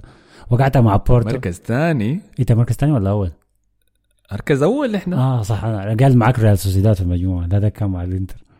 فأنت كويس تأهلت. وقع عليك بورتو من كل الفرق الموجودة دي. مثلا ما وقع عليك باريس سان جيرمان ولا حاجة زي كده. دي حاجة كويسة. يا ريت لو كان جاني باريس. يا ريت. لا لا دي حاجة كويسة. باريس أتلتيكو. آه تاني منو في؟ كان في المجموعة الثانية دي. بس ما داير نابولي. لا لا, داير نابولي ما داير انتر ميلان. أحمد. انتر ميلان الفريق الوحيد أنت أول سنة أبطال. أنت ما ما, ما عايز تاكل كل شيء في أول وجبة ولد. بالراحة بالراحة. لازم السنة الأول. الف- الفطور أهم وجبة في اليوم. فمجموعه كورت بورتو دي خلص في شهر؟ اثنين ما ما تشيل همها يعني. بعيدة لسه. محمد الفاتح قال كما يجب متصدر لا تكلمني. فيلا العزيز في الصدارة باداء رائع أمام برايتون ميونخ. ثلاثة نقاط جاية من الأنفيلد رود. يا ساتر. من أنفيلد. روي هودسون من اللا شيء يعود أمام السيتي وتنهاك قرب يشيل ثلاثة نقاط من أنفيلد. وخالد أحمد سليمان قال شنو؟ أرسنال خارج من دور ال 16 ببركات أحمد اديني بورتو. تاني في شنو؟ معمر الصديق قال برضو من مبدعين الجولة دي القائد لويس دانك المقدم أداء رجولي ضد أرسنال رغم الخسارة. طب في لقطة كده لفاه فيه جيزوس لفه كعبة كده يا أخي. يس كان مبسوط يا من. أول ما شاف حواجبين جيسوس تنزل يا الاثنين يبقوا يتساووا كده بعد اللقطة ديك برايتون طبعا تصدر مجموعته في ال Europa League فمع الأسف دي بالنسبة لهم حاجة كعبة إنهم يستمروا في المعاناة هناك يستمروا في البطولة بتاعت المظالم دي. هتنهكم شديد الموسم ده البطوله دي هي دراما آه. والله. دراما شديد. طيب عبد الرحمن مجاهد قال أرسنال في الصدارة كما يجب. nice برايتون الليلة ما فهموا أي حاجة بس لسه في مشكلة المهاجمين ديل ما قاعدين يسجلوا فرص سهلة؟ طيب كده خلينا نمشي ليه في شنو الجاية؟ السيتي يا أخي ما ما ما كتبناه ذاته في لاحه المباراة. تعادل طبعا 2 2 ضد كريستال بالاس في استاد الاتحاد بعد ما كان متقدم نتيجة 2 0 مم. قدر في الدقائق الأخيرة يجي راجع كريستال بالاس ويسجل هدفين ورا بعض عشان يمرق بتعادل. آه. نتيجة مخيبة جدا لجوارديولا. أنا كنت مشغل المباراة دي وكنت مشغل مباراة تشيلسي في نفس الوقت وكانوا مباراتين كعبات يعني. في, في النقيض تماما. يعني كان السيتي متحكم في المباراة وبيلعب باصات كثيرة لكن فرصة بي- بيصنعها ضاربة شديد يعني ما فرص سانحة. ده بيجيها بالجهة الثانية تشيلسي كان مقدم مباراة ما في أي حاجة كانت ملل تام. فأخوي الصغير أسامة بشجع مانشستر سيتي فكنا بنحضر مباراة السيتي. قمت فتحت عليه كده قلت له يا أخي عليك الله أنت حاسب تستمتع بيها يعني كده بتتكيف؟ لما بتحضر. له قال لي هاي وين المشكلة في ده؟ لكن أنا ما كان شايف ادائهم كان كويس. الشيء الوحيد اللي لازم أشيد بيه إنه في المباراة دي الهدفين كان من صناعة فيل فودن. آه. اللي قدم مباراة كويسة لحد آخر دقائق. آه. كان مباراة كويسة ما متفوق فيها تماما يلا ما حقول لك أنا داخل لاب منه. لكن هو صنع الهدفين للأسف الهدف الثاني ما حيتحسب له لأنه الكورة دقت في رودري كان بعد ما هو لعب scoop كده فوق. قام بوظ عليه الصناعة. ال assist هاي ما الكفتة دي بيحبها رودري دائما تجي باك عليه قام بعد ذاك للأسف فودن كلف فريقه في الدقائق الأخيرة من المباراة لما حاول يبعد الكورة يطفشها بعيد. قام بعد ذاك ركل ساق مهاجم كريستال بالاس ماتيتا عشان يكلف فريقه بنالتي في الدقائق الأخيرة. يلا أنا متفهم يا فودن أنا ما حلومك أوريك ليه؟ لأني عارفك ما متعود تلعب 90 دقيقة أنت. عشان كده بتعمل اخطاء زي دي. اللي بعد ده قام جاء أوليسي ولدي يا أخي من أولادي بتاعين كريستال بالاس. عشان يسجل البلنتي بكل هدوء ويمرق كريستال بالاس بنقطة من الاتحاد. آه، موضوع مقلق لمانشستر سيتي جدا جدا. كده فوز واحد من آخر كم؟ أربع مباريات؟ آه، فوز من آخر أربعة وفي آخر ست مباريات ولا سبعة ما أعرف جاب أربع نقاط. حاجة كده كعبة شديد لجوارديولا ما في أي عذر صراحة لل- للأداءات البطالة دي. آه يعني أنا بعرف إنه جوارديولا الجزء الأول من الموسم أحيانا ما بيكون كويس لكن ما ما للدرجة دي. ده ده ده ده, ده, ده مستوى جديد. بيقول لنا أرقام الكعبة دي إنه ما ما انتصر في آخر خمس مباريات ورا بعض. الحاجة دي آخر مرة حصلت له في أول موسم له لما جه يدرب السيتي من من يوم أيوة صح. من يوم لحد هسه ما حصل فيها المركز الرابع آه. ما جابوا ولا clean sheet الموسم ده غير clean sheet واحد بس في الدوري الإنجليزي فبيتلقوا أهداف في كل المباريات مم. علامات سيئة جدا مم. غير عدم تركيز اللعيبة جوارديول لسه قاعد يلعب ظهير كمان كواكر وجوارديول ثنائي الاظهره بتاعك دي دي يعني حاجة جوارديول. جوارديول جاته هجمة لقى نفسه منفرد بالحارس. لما وصل كان داير يشوت أنا أعمل شنو؟ أنا أعمل شنو؟ أنا أول مرة أصل به أي س- سيء شديد يعني. لكن خدم آه، طبعا كده الناس اللي قاعدة في الصدارة الناس أرسنال وليفربول. طيب تاني خلينا نواصل نمشي وين؟ كان شنو المباراة الجاية؟ توتنهام غلب نوتنغهام فورست بنتيجة 2-0 في استاد آه، توتنهام. بطل المباراة بالطبع كان آه، كولوسيفسكي. صنع هدف وسجل الهدف الثاني. أداء ممتاز جدا منه يستمر ريشاردسون في التسجيل وسعيد جدا هو طبعا بالحاجة دي. وأخيرا يعني أنا شايف إنه الناس بدأت تدي كولوسيفسكي حقه في الموسم الممتاز المقدمه ده. الناس كان بتمدح كثير في ماديسون. الناس كان بتمدح في صن والأهداف اللي بيسجلها لكن ما كان قاعد ينال حقه هو كولوسيفسكي حقيقة. هاي. اللي قاعد يتنوع في اداؤه في أدواره اللي بيقدمها في أرضية الميدان قاعد يلعب كجناح يمين كرقم عشرة. المباراه دي كان لاعب بالماس كمان كان عامل زي باتمان كده. ممتاز. اداء ممتاز منه ممتاز. يعني. طبعا أداء ممتاز الكوره. كانت لا كانت في ملعب نوتنغهام. نوتنغهام جاب الهدف الأول إيلانجا والحكم لغاه. كانوا كلهم متسللين. نوتنغهام كلهم متسلل. آه. بعدك جاء الهدف الأول لتوتنهام العرضية وبعدك الراسيه كويسه جدا بتاعت ريتشاردسون ريتشاردسون بقى, يسجل يعني أهداف هسه يا دوب. وفي الاحتفالية بتاعته قاعد يقول وص وص وص لجماهير نوتنغهام. انت أنا والله ما ده شنو ده؟ ليه يعني؟ ليه العشوائية دي في في ال- في ال- في ال- في, ال- في ال- العدائية اللي ما منها اي فايدة؟ الهدف الثاني كلوفسكي برضه ممتاز شديد. الحاجة الغريبة أنا بالنسبة لي في الكورة دي كان إنه هم فايزين لاعبين أخيرا أخيرا توتنهام بيلعب كورة كويسة. لحد جاء الدقيقة 70 وجا الطرد بتاع بسومه الحكم طبعا في البداية اداه كرت أصفر. بعدك مشى رجع للفار لغى الأصفر اداه أحمر. كويس. طرد مباشر طوالي. أنا من اللحظة دي قلت الليل ها تاني. هنشوف توتنهام بتاع وولفز ولا توتنهام بتاع تشيلسي ولا توتنهام. الكورة اللي بيكونوا بي- بيبدوا كويس. بعدك تاني يبدوا يتردموا ولا شنو؟ ففعلا بدا يضغط عليهم يضغط عليهم. لكن لحسن الحظ انه نوتنغهام يعني ما قدر يسجل الفرصة جاته. في فرصة جاته طلعها بكاريو كده بطريقة ما أعرف ذاته كيف. مجنون. ما عارف أطلعها كيف صراحة. فلحسن الحظ طلعوا بال 2 0 دي يعني لحسن الحظ. أنا ك... أنا الحلقة اللي فاتت ويمكن الحلقة اللي قبالها كنت دائما قاعد انتقد في بسومة وقاعد أقول إنه أداءاته سيئة حقيقه إلى متوسطة من مباراة لوتن تاون اللي هي آخر مباراة هو أخذ فيها كرت أحمر ذاته. آه، ف... فدي مشكلة حقيقية لموضوع الانضباط في توتنهام دي يعني كمية الكروت الحمراء اللي تلقوها لحد هسه في الموسم خرافية. يعني انت بتكون قاعد نفسك قاعد في استاد المريخ يا مان من كثر اللون الأحمر اللي بتشوفه لما تحضر مباراة لتوتنهام بالنسبة لبسوما فده تاني كرت أحمر فمعناها هيغيب حسي أربع مباريات كمان ما ثلاث مباريات. ده بالإضافة لأنه حيسافر لأمم أفريقيا أصلا. فالفريق كده حيكون خسرانه كم؟ يعني شهر ونص. تقريبا خلاص يعني هو مين حسي المفروض يسافر عشان يجي راجع للسنة الجاية؟ ما بدأ يفضل ذاته مع الفريق. فمؤمل الصديق قال ثلاثة نقاط من أداء مش ولا بد كل شيء ماشي كويس لكن كيف؟ يا مؤمل ده عربي حسن. آه، قال الفريق ما بيقدروا يفوزوا إلا يطلعوا روحك. تدخل متهور من بسومه محاوله إنه ينقذ ال clean sheet يؤدي إلى غيابه شهر ونص. أربع مباريات مع مع ال AFCON. ما عارف القانون 200 عملوه ما كويس. أداء جيد من الأغلب. أحمد كويس إنها طلعت منك كنت داير أقول عديل إنه بورو بعد أرنولد طوالي في الموسم ده لكن خفت من اتهامات حبيس اللحظة. فعلا آه بورو مقدم موسم ممتاز شديد وديستني أودوجي برضه مقدم موسم ممتاز شديد. يعني كظهير أيسر أنا شايفه ممكن يكون الأفضل. أودوجي من عنده ظهير أيسر تاني كويس.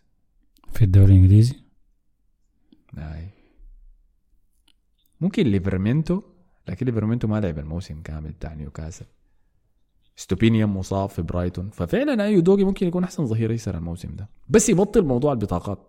بس يصلح انضباطه شوية. هو أنا شايف إن توتنهام عموما يعني كلعيبه الحاجة اللي حصلت مع بسوما هسه دي وحصلت في كور كثيره اللي هي دي أنا شايفها بقت نوع من النمط اللي بيتكرر. اللي هم بيبدوا الكورة كويس بيعملوا حاجة دايرين يعملوها بيتحكموا في ال rhythm زي ما هم عايزين ولما تصل آخر دقائق بيبدوا يتوتروا. بتجيهم كده يعني flashbacks بتاعت البلاوي اللي مروا بها الموسم ده كله. ويبدأ يقعوا تاني. فعشان كده ما قادرين يأدوا مباراة 90 دقيقة كاملة كويسة. وده شغل بوست البوست لازم يهديهم ويقول لهم خلاص أنتوا طلعتوا من منافسة الدوري. ده ما ده ما مطلوب منكم. مطلوب منكم انكم بس تنافسوا على المراكز مؤهلة لل- للأبطال أو حتى اليوروبا ليج لو هدوا كده بيشتغلوا كويس. لازم يهدوا. لازم يخفضوا التوقعات بتاعتهم شوية. طبعا مؤمل ذاته كتب لنا قال لنا في المدرجات كان موجود سيد الناس يا أخي. شون دايش؟ الذي فاز فريقه مجددا الأسبوع ضد بيرلي بنتيجة 2-0 عشان يستمر في حملة الانتقام من الدوري الإنجليزي. يا سلام يا أخي عليك الله. هسه إيفرتون في المركز ال 16 يا أخي. آه فريق النقاط كده كم من تشيلسي؟ آه تشيلسي ما فاز صح. أربعة لسه ستة نقاط. الفارق موجود حاسبوا يا تشيلساوي يا زول في جاي. في مباراته الجاية ضد توتنهام بالطبع شون دايش؟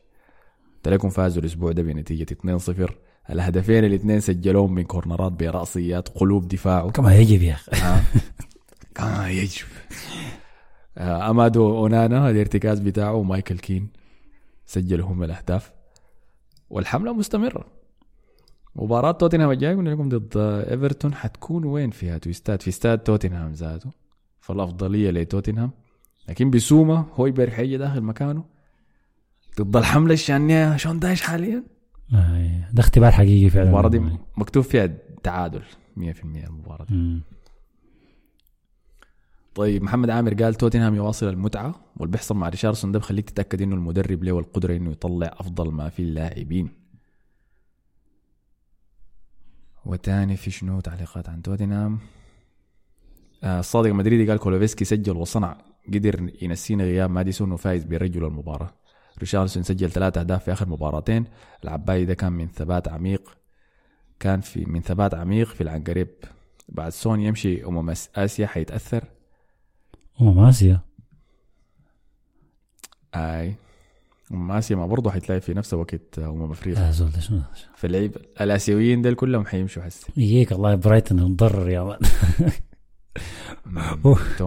واندو هيمشي برضه هيمشي من من ليفربول. كويس نريح شوي واتكسل قال بوتشيتينو ينتصر في 36 من 42 مباراة ضد الفرق الصاعدة في البريمير ليج بنسبة 85% فاصل سبعة. وهي أفضل نسبة لأي مدرب في تاريخ البريمير ليج. شنو الاحصائيه الغريبة دي؟ okay. okay. طيب خلينا نواصل في المباراة نمشي تشيلسي؟ ما دام جبنا سيرة بوتشيتينو. أيوه. جبنا سيرة إيفرتون الوران في طنبة. مم. تشيلسي عمل شنو الأسبوع ده؟ تشيلسي في المباراة دي آه، فاز بفوز يعني قبيح جدا. مع القبيح بالنسبة لنا إحنا الناس اللي بتتابع كورة. بالنسبة لهم فوز كويس على شيفيلد بنتيجة 2-0 الأهداف اللي جابوها في المباراة دي. كول بالمر طبعا ما شاء الله تبارك الله ما مقصر مع الناس في ال fantasy أي زول عنده بالمر في ال fantasy ثمانية نقاط ثابتة كل أسبوع. والهدف الثاني من حبيب مصطفى المهاجم الفذ القادم من فياريال نيكس نيكولاس جاكسون. قلت لي نيجز جاكسون انت قلت أنا قاعد بتخ... بتخيل شكله كده ما ما, ما قادر اخده بشكل جاد. واقف قدام الجون. الهدف بتاعه هو كده قدام الجون واقف. يعني. برضه مش احتفل وجرى. وما- كويس قاعد يسوي المطلوب منه إنه يسجل يعني. لكن أداء كان سيء. كان سيء شديد من تشيلسي. خاصة الشوط الأول كان عقيم جدا. وضد شيفيلد يونايتد. شيفيلد يونايتد ده فريق ما بجوده الدوري الإنجليزي. آه، لكن كويس إنهم بس في النهاية قدروا يستخدموا جودة لعيبتهم الفردية. بالتحديد ستيرلينج وبالمر. اللي تعاونوا مع بعض عشان يسجلوا الهدف الأول. وبعد ذاك بالمر صناعته في الهدف الثاني. وده الشيء المقلق حقيقة حقيقة يعني إنه ده لعيبة السيتي قاعدين يستخدموا ذكائهم الخاص لصنع الفارق لتشيلسي. لكن هل المنظومة دي مساعدام؟ هل في لمحات تكتيكية من المدرب؟ أنا ما شايف الحاجة دي للأسف. لسه. طيب فدي بجهة بالجهة الثانية في شيء واحد أقدر أحسبه لبوجيتينو في المباراة دي إنه ما بدأ بإنزو فرنانديز. مم. دي مباراة تانية على التوالي ما يبدا بإنزو لا لا دي المباراة الأولى. فلعب في الوسط بجالاجر وكايسيدو وظهر كثنائي كويس شديد يعني. الاثنين مع بعض ببالمر قدامهم فده أحسن بشكل الفريق كان أحسن بكثير مما هو عليه في الفترة اللي فاتت لكن ضد شيفيلد. يونايتد. الكلام إنه بوتشيتينو داير يريح إنزو. ريحه من شنو؟ كويس. من شنو يريحه؟ في أبطال. في في اوروبا ليج ما في أي حاجة ريحه من شنو؟ آه في هاي لكن بيقولوا عشان المباريات اللي بيلعبها مع المنتخب فبيسافر كتير وبيجي راجع عشان كده قاعد يريحوا. كما حنك. أنا لكن شايف إنه بوتشيتينو شايف في مشكلة حقيقة في حقيقيه في توازن وسط الفريق ده يعني عشان كده قاعد يحاول يعدله. السؤال هو هل المباراة الجاية حيبدأ بإنزو في الدكة ولا لا؟ مم. وبعد ذلك إذا إنزو رجع للتشكيلة هل تشيلسي حيلعب كويس ولا لا؟ ده السؤال المهم. لكن في النهاية تشيلسي كان محتاج بس لثلاثة نقاط. ده الشيء المهم. حنشوف اللي حيحصل شنو في مسلسلهم لما نيجي شهر واحد وتنفتح نافذة الانتقالات. لأنه ده الوقت اللي بيبدع فيه تشيلسي طبعا. في الانتقالات فاتحة أوه. العنوان الأول. آه الحي الحيجوا في نافذة الانتقالات دي حيوريك إذا النادي داعم بوشيتينو على المدى الطويل ولا لا. إذا كانت تعاقداتهم كلها اللعيبة ال- الصغار ديل المجهولين ما بزول عارف عنه على مخطط بتاع المواهب الصغيرة ده. معناه دي الإدارة ما مكترثه ببوتشيتينو داير شنو؟ إذا جابوا له لعيبة بخبرة من المتطلبات اللي هو دايره يعني هو اشتكى بكثير في موضوع طول القامة في وسط الميدان. فإذا دعموا ب لعيبه تخدم الحاجة الدايرة دي ممكن أقول لك إنه بوتشيتينو عنده أمل.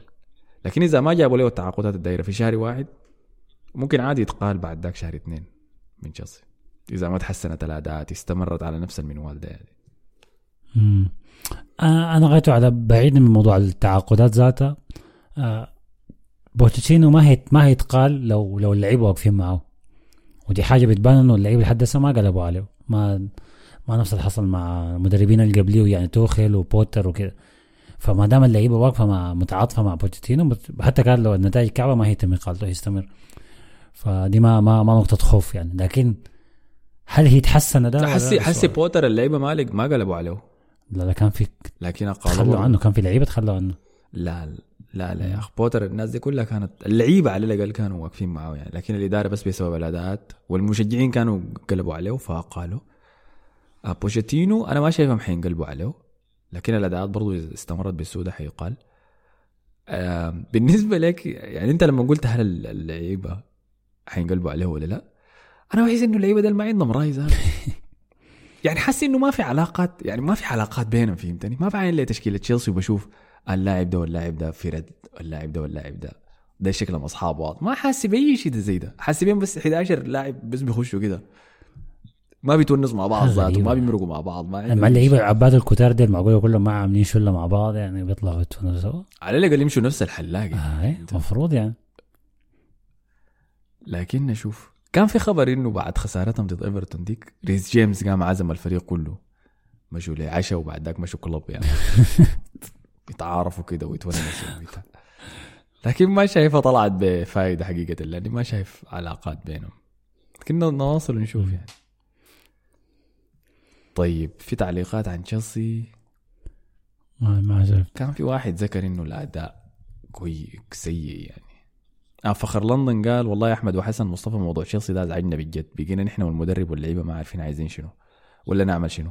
رأيكم شنو في قالة البوتش ونجيب لامبارد كمدرب لنهاية الموسم؟ واتكسل قال بن جيكوبس الصحفي قال ناقش تشيلسي داخليا اسم أولي واتكنز قبل أن يجدد عقده مع أستون فيلا. مم. أو لا لا ده, ده, تهور. واتكنز ما ما هينفع معهم. ومازن CFC قال مشجعين تشيلسي المساكين اللي حضروا المباراة دي. والله حزينة يا أخي. ضعف كروي ضد أسوأ فريق في الدوري في ملعبك. لكن على الأقل ثلاثة نقاط. بالمر يتعدى ماونت بالأسيستات من لعب مفتوح وب 94 مباراة أقل.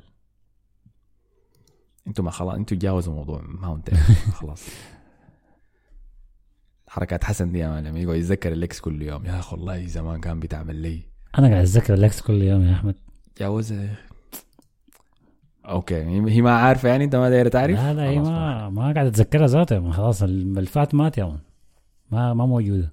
ده المفروض تتأقلموا معاه يعني. مشجعين تشيلسي طيب نختم بأستون فيلا. الغلب برينفورد في المباراة المجنونة بتاعت الجولة. فاز فيها أستون فيلا بنتيجة 2-1 بعد تقدم. برينفورد كان في النتيجة بهدف. لكن بعد ذاك أستون فيلا قدر يقلب المباراة.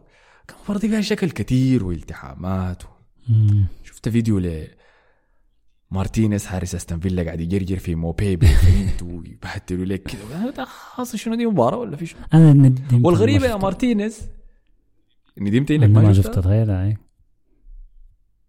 هي ما مباراة سهله آه، دايرين دراما. الشكل ده حاجة كويسة. أنا لما شفت مارتينيز قاعد يمردغ في موباي قلت له يا أخي أنت هوي. أنت ما فاهم إنه ده اللاعب أصلا أنت موجود هنا عشانه يعني. أنت موجود في أستون فيلا وفزت بكأس العالم وده كله لأنه موباي ده هو اللاعب اللي اصاب بيرند لينو لا حول. إحنا تمينا تمينا الدائره خلاص قفلنا الدائره بالشكل ده. تأثير الفراشه. آه، فبس فاستون فيلا كده يقدر يتصدر في آه، يستمر مش يتصدر معلش في مركزه العالي في الدوري الإنجليزي المركز الثالث ب 38 نقطة متعادل كده مع ليفربول. لكن يعني علامة ما كويسة الحصل في مباراة أستون فيلا ده. يعني التوتر كان واضح شديد على لعيبة فيلا بعد ما تلقوا الهدف الأول في المباراة. فده وضح لك إنه شنو مين حسي بدينا مسلسل آه، الضغط بتاع هاي كاسة يا ايمن لما اللعيبة بدأوا يتوتروا كان قاعد يقول لهم فيها شيطان كما يجب أيوه ده الصح مان. دايرين توتر وخوف وقلق. هذا ال- أساسا ده, ده اللي هيحصل. كان في زول كتب تعليق إنه هل توتنهام هل فيلا هيستمر؟ ممكن يجيب الدوري. حيفوز بالدوري. يجيب كرر آه. قصة ليستر. أنتوا يوم ما بتعرفوا أوناي إيمري ولا شنو؟ هل أنتوا بس متذكرين إنه أوناي إيمري الكعب داك بتاع أرسنال الما أساسا ما لعب الما يعني ما نافس. لكن إحنا بنتذكر ما كان عنده لعيبة. إحنا بنعرف أوناي إيمري كويس شديد بتاع الدوري الإسباني بتاع وأوناي إيمري بتاع بتاع بتاع فالنسيا وأوناي إيمري بتاع بلباو آه، عفوا بتاع فياريال وبتاع إشبيليا وأوناي إيمري بتاع باريس سان جيرمان. هو كويس ما دام ما عليه ضغط. ما دام هو حصان أسود وجاي كزول صغير من ورا وزول ممتاز شديد. اللحظة الناس تركز عليه وإعلام وضغط الإعلام الدوري الإنجليزي اللي بيرفعوك فوق يعني بيخطوك في نفس الرف مع الملك. ده ما ده هي سكته قلبية عديل يعني دوري شنو بيجيبوا أنا يمري فالتوتر ده هي- هيسبب إنهم ي- يعني وقوع في الأوقات يعني انخفاض في النتائج مع الوقت الاداء بعد ذاك النتائج. وغا يعني أنا ما استبعد ذاته يقعوا من ال top four يعني مع الوقت. ما دي ما حاجة كويسة. يعني. لا يقع من ال top آه four يعني ممكن يعني. ممكن. طبعا في المباراة دي أولي واتكنز كان سجل الهدف الثاني. الفوز أستون فيلا في المباراة. دقيقة 85 طريقه رأسية. أولي واتكنز هو أصلا جاء أستون فيلا من برنتفورد فلما سجل الهدف ده أنا توقعته ما يحتفل لكن قام مشى عمل احتفال أكثر من مستفز. مشى خش جوا الشبكة. بتاعت فريقهم اللي سجلوا فيهم ووقف جواه كده زي سوبرمان وقاعد يأشر المشجعين يا سلام يا أخي. يا سلام يا أخي. حركة استفزاز تامة جدا يعني. هو ما مستغرب اللي حصل شنو. لأنه هم بيحبوه في برنتفورد يعني بالمناسبة. وهو كان مهاجمهم قبل توني؟ إيفان توني. هاي. مم. كان معاهم في ال Championship وتألق في ال Championship قاموا اشتروا برنتفورد من آه، اشتروا أستون فيلا من هناك. فبعد المباراة طبعا اشتبكوا توماس فرانك وأولي واتكنز. توماس فرانك مدرب برنتفورد قال له في شنو يا man؟ ده شنو؟ كيف تحتمل يعني تحتفل باسلوب ده؟ وأولي واتكنز قاعد يحاول يرجعها هم كانوا بيسبوني والله وقاعدين يأشروا لي وما عارف شنو بتاع. لكن ما صح منك. والله خاصة إنه توماس فرانك من أكثر الشخصيات اللطيفة يعني. الناس. احتمال في شيء غلط في برينفورد وإحنا ما عارفين. إذا ايفان توني بينبس في برينفورد إذا واتكنز جاب هدف اشر على الجماهير يمكن في شيء بيحصل يا أخي إحنا ما عارفين. يعني. ما تقدر تعرف فبس تقريبا دي كان كل الأخبار الكبيرة في حلقة الأسبوع ده عن الدوري الإنجليزي. اكتبوا لي توقعاتكم لمواجهة قمة الأسبوع الجاي دي أرسنال وليفربول. هل تتفقون مع العلامات شايفين أرسنال حيفوز فيها؟ وإذا فاز فيها هل حيفوز بالدوري نعم ولا لا؟ وإذا فاز ليفربول فهل ده معناه هو ليفربول هو المرشح الأكبر للدوري؟ اكتبوا لي وروني آرائكم في التعليقات. ثاني في شيء المفروض نهبج عليه السيتي جاوا منو في ال Champions League. السيتي طبعا أكيد وقع مع كوبنهاجن يا أحمد. ده سؤال تسأله. دوري 16 مانشستر سيتي دي قصة حب معروفة من زمان. يا. بدهم اضعف فريق. حتى هنا. حتى هنا آي. الفساد. لكن يحذروا كوبنهاجن البهدل ومردغ مانشستر يونايتد. ممكن يبهدل ويمردغ مانشستر سيتي. السيتي ما قاعد يلعب أداءات كويسة. لو استمروا لحد شهر اثنين بال- بالعوار اللي بيعملوها دي والقرف اللي بيلعبوه ده ما ما يستهينوا خالص يعني يمشوا هناك يتبهدلوا في في الدنمارك ويجوا هنا في الاتحاد ما يعملوا شيء. وبالمناسبة دي يمكن حاجة أخيرة. ده آخر دوري أبطال نشوفه بنسخته ال- اللي إحنا تعودنا عليها دي اللي هي ثمانيه مجموعات بيتاهلوا آه، الأول والثاني بعدين يمشوا دوري 16 السنة الجاية هنشوف شكل جديد من دوري الأبطال. فأنت يا أحمد ال... بت... أنت بتتعلم يا دوب دوري الأبطال شكله كيف؟ قاعد هتنساه تاني كله رجع من الشباك السنة. في منهج جديد نفهم أول ما نبدأ نفهم يغيروا لنا المنهج أي بالضبط آي. طيب في عمل النقطة دي أظن غطينا كل حاجة في حلقة دافور المزدوجة بتاعت الأسبوع ده آه شكرا لكم لأي زول سمع لحد هسي وكل الناس اللي كتبت تعليقات في الحلقات اللي فاتت دي. طب بما إنه دي حلقة مزدوجة فأكتبوا كل تعليقاتكم لحلقات الأسبوع الجاي تحتيها هنا ده الله يعين دي حسي حتوصل كم تعليق ده آي. إحنا بنقرأ تعليقاتكم يا جماعة كمان ما بنغطيها عشان الوقت لكن قريناها كلها يعني الوقت هاي. كلها قريناها هاي. عشان كده شكرا لأي زول أخذ الوقت وكتب تعليق آه شكرا لك يا حسن آه العفو يا أخي هاي. شكرا لكم أنتوا على حسن استماعكم نشوفكم في حلقة الأسبوع الجاي السلام عليكم Asma Podcast Dafori alla SoundCloud y a Nas.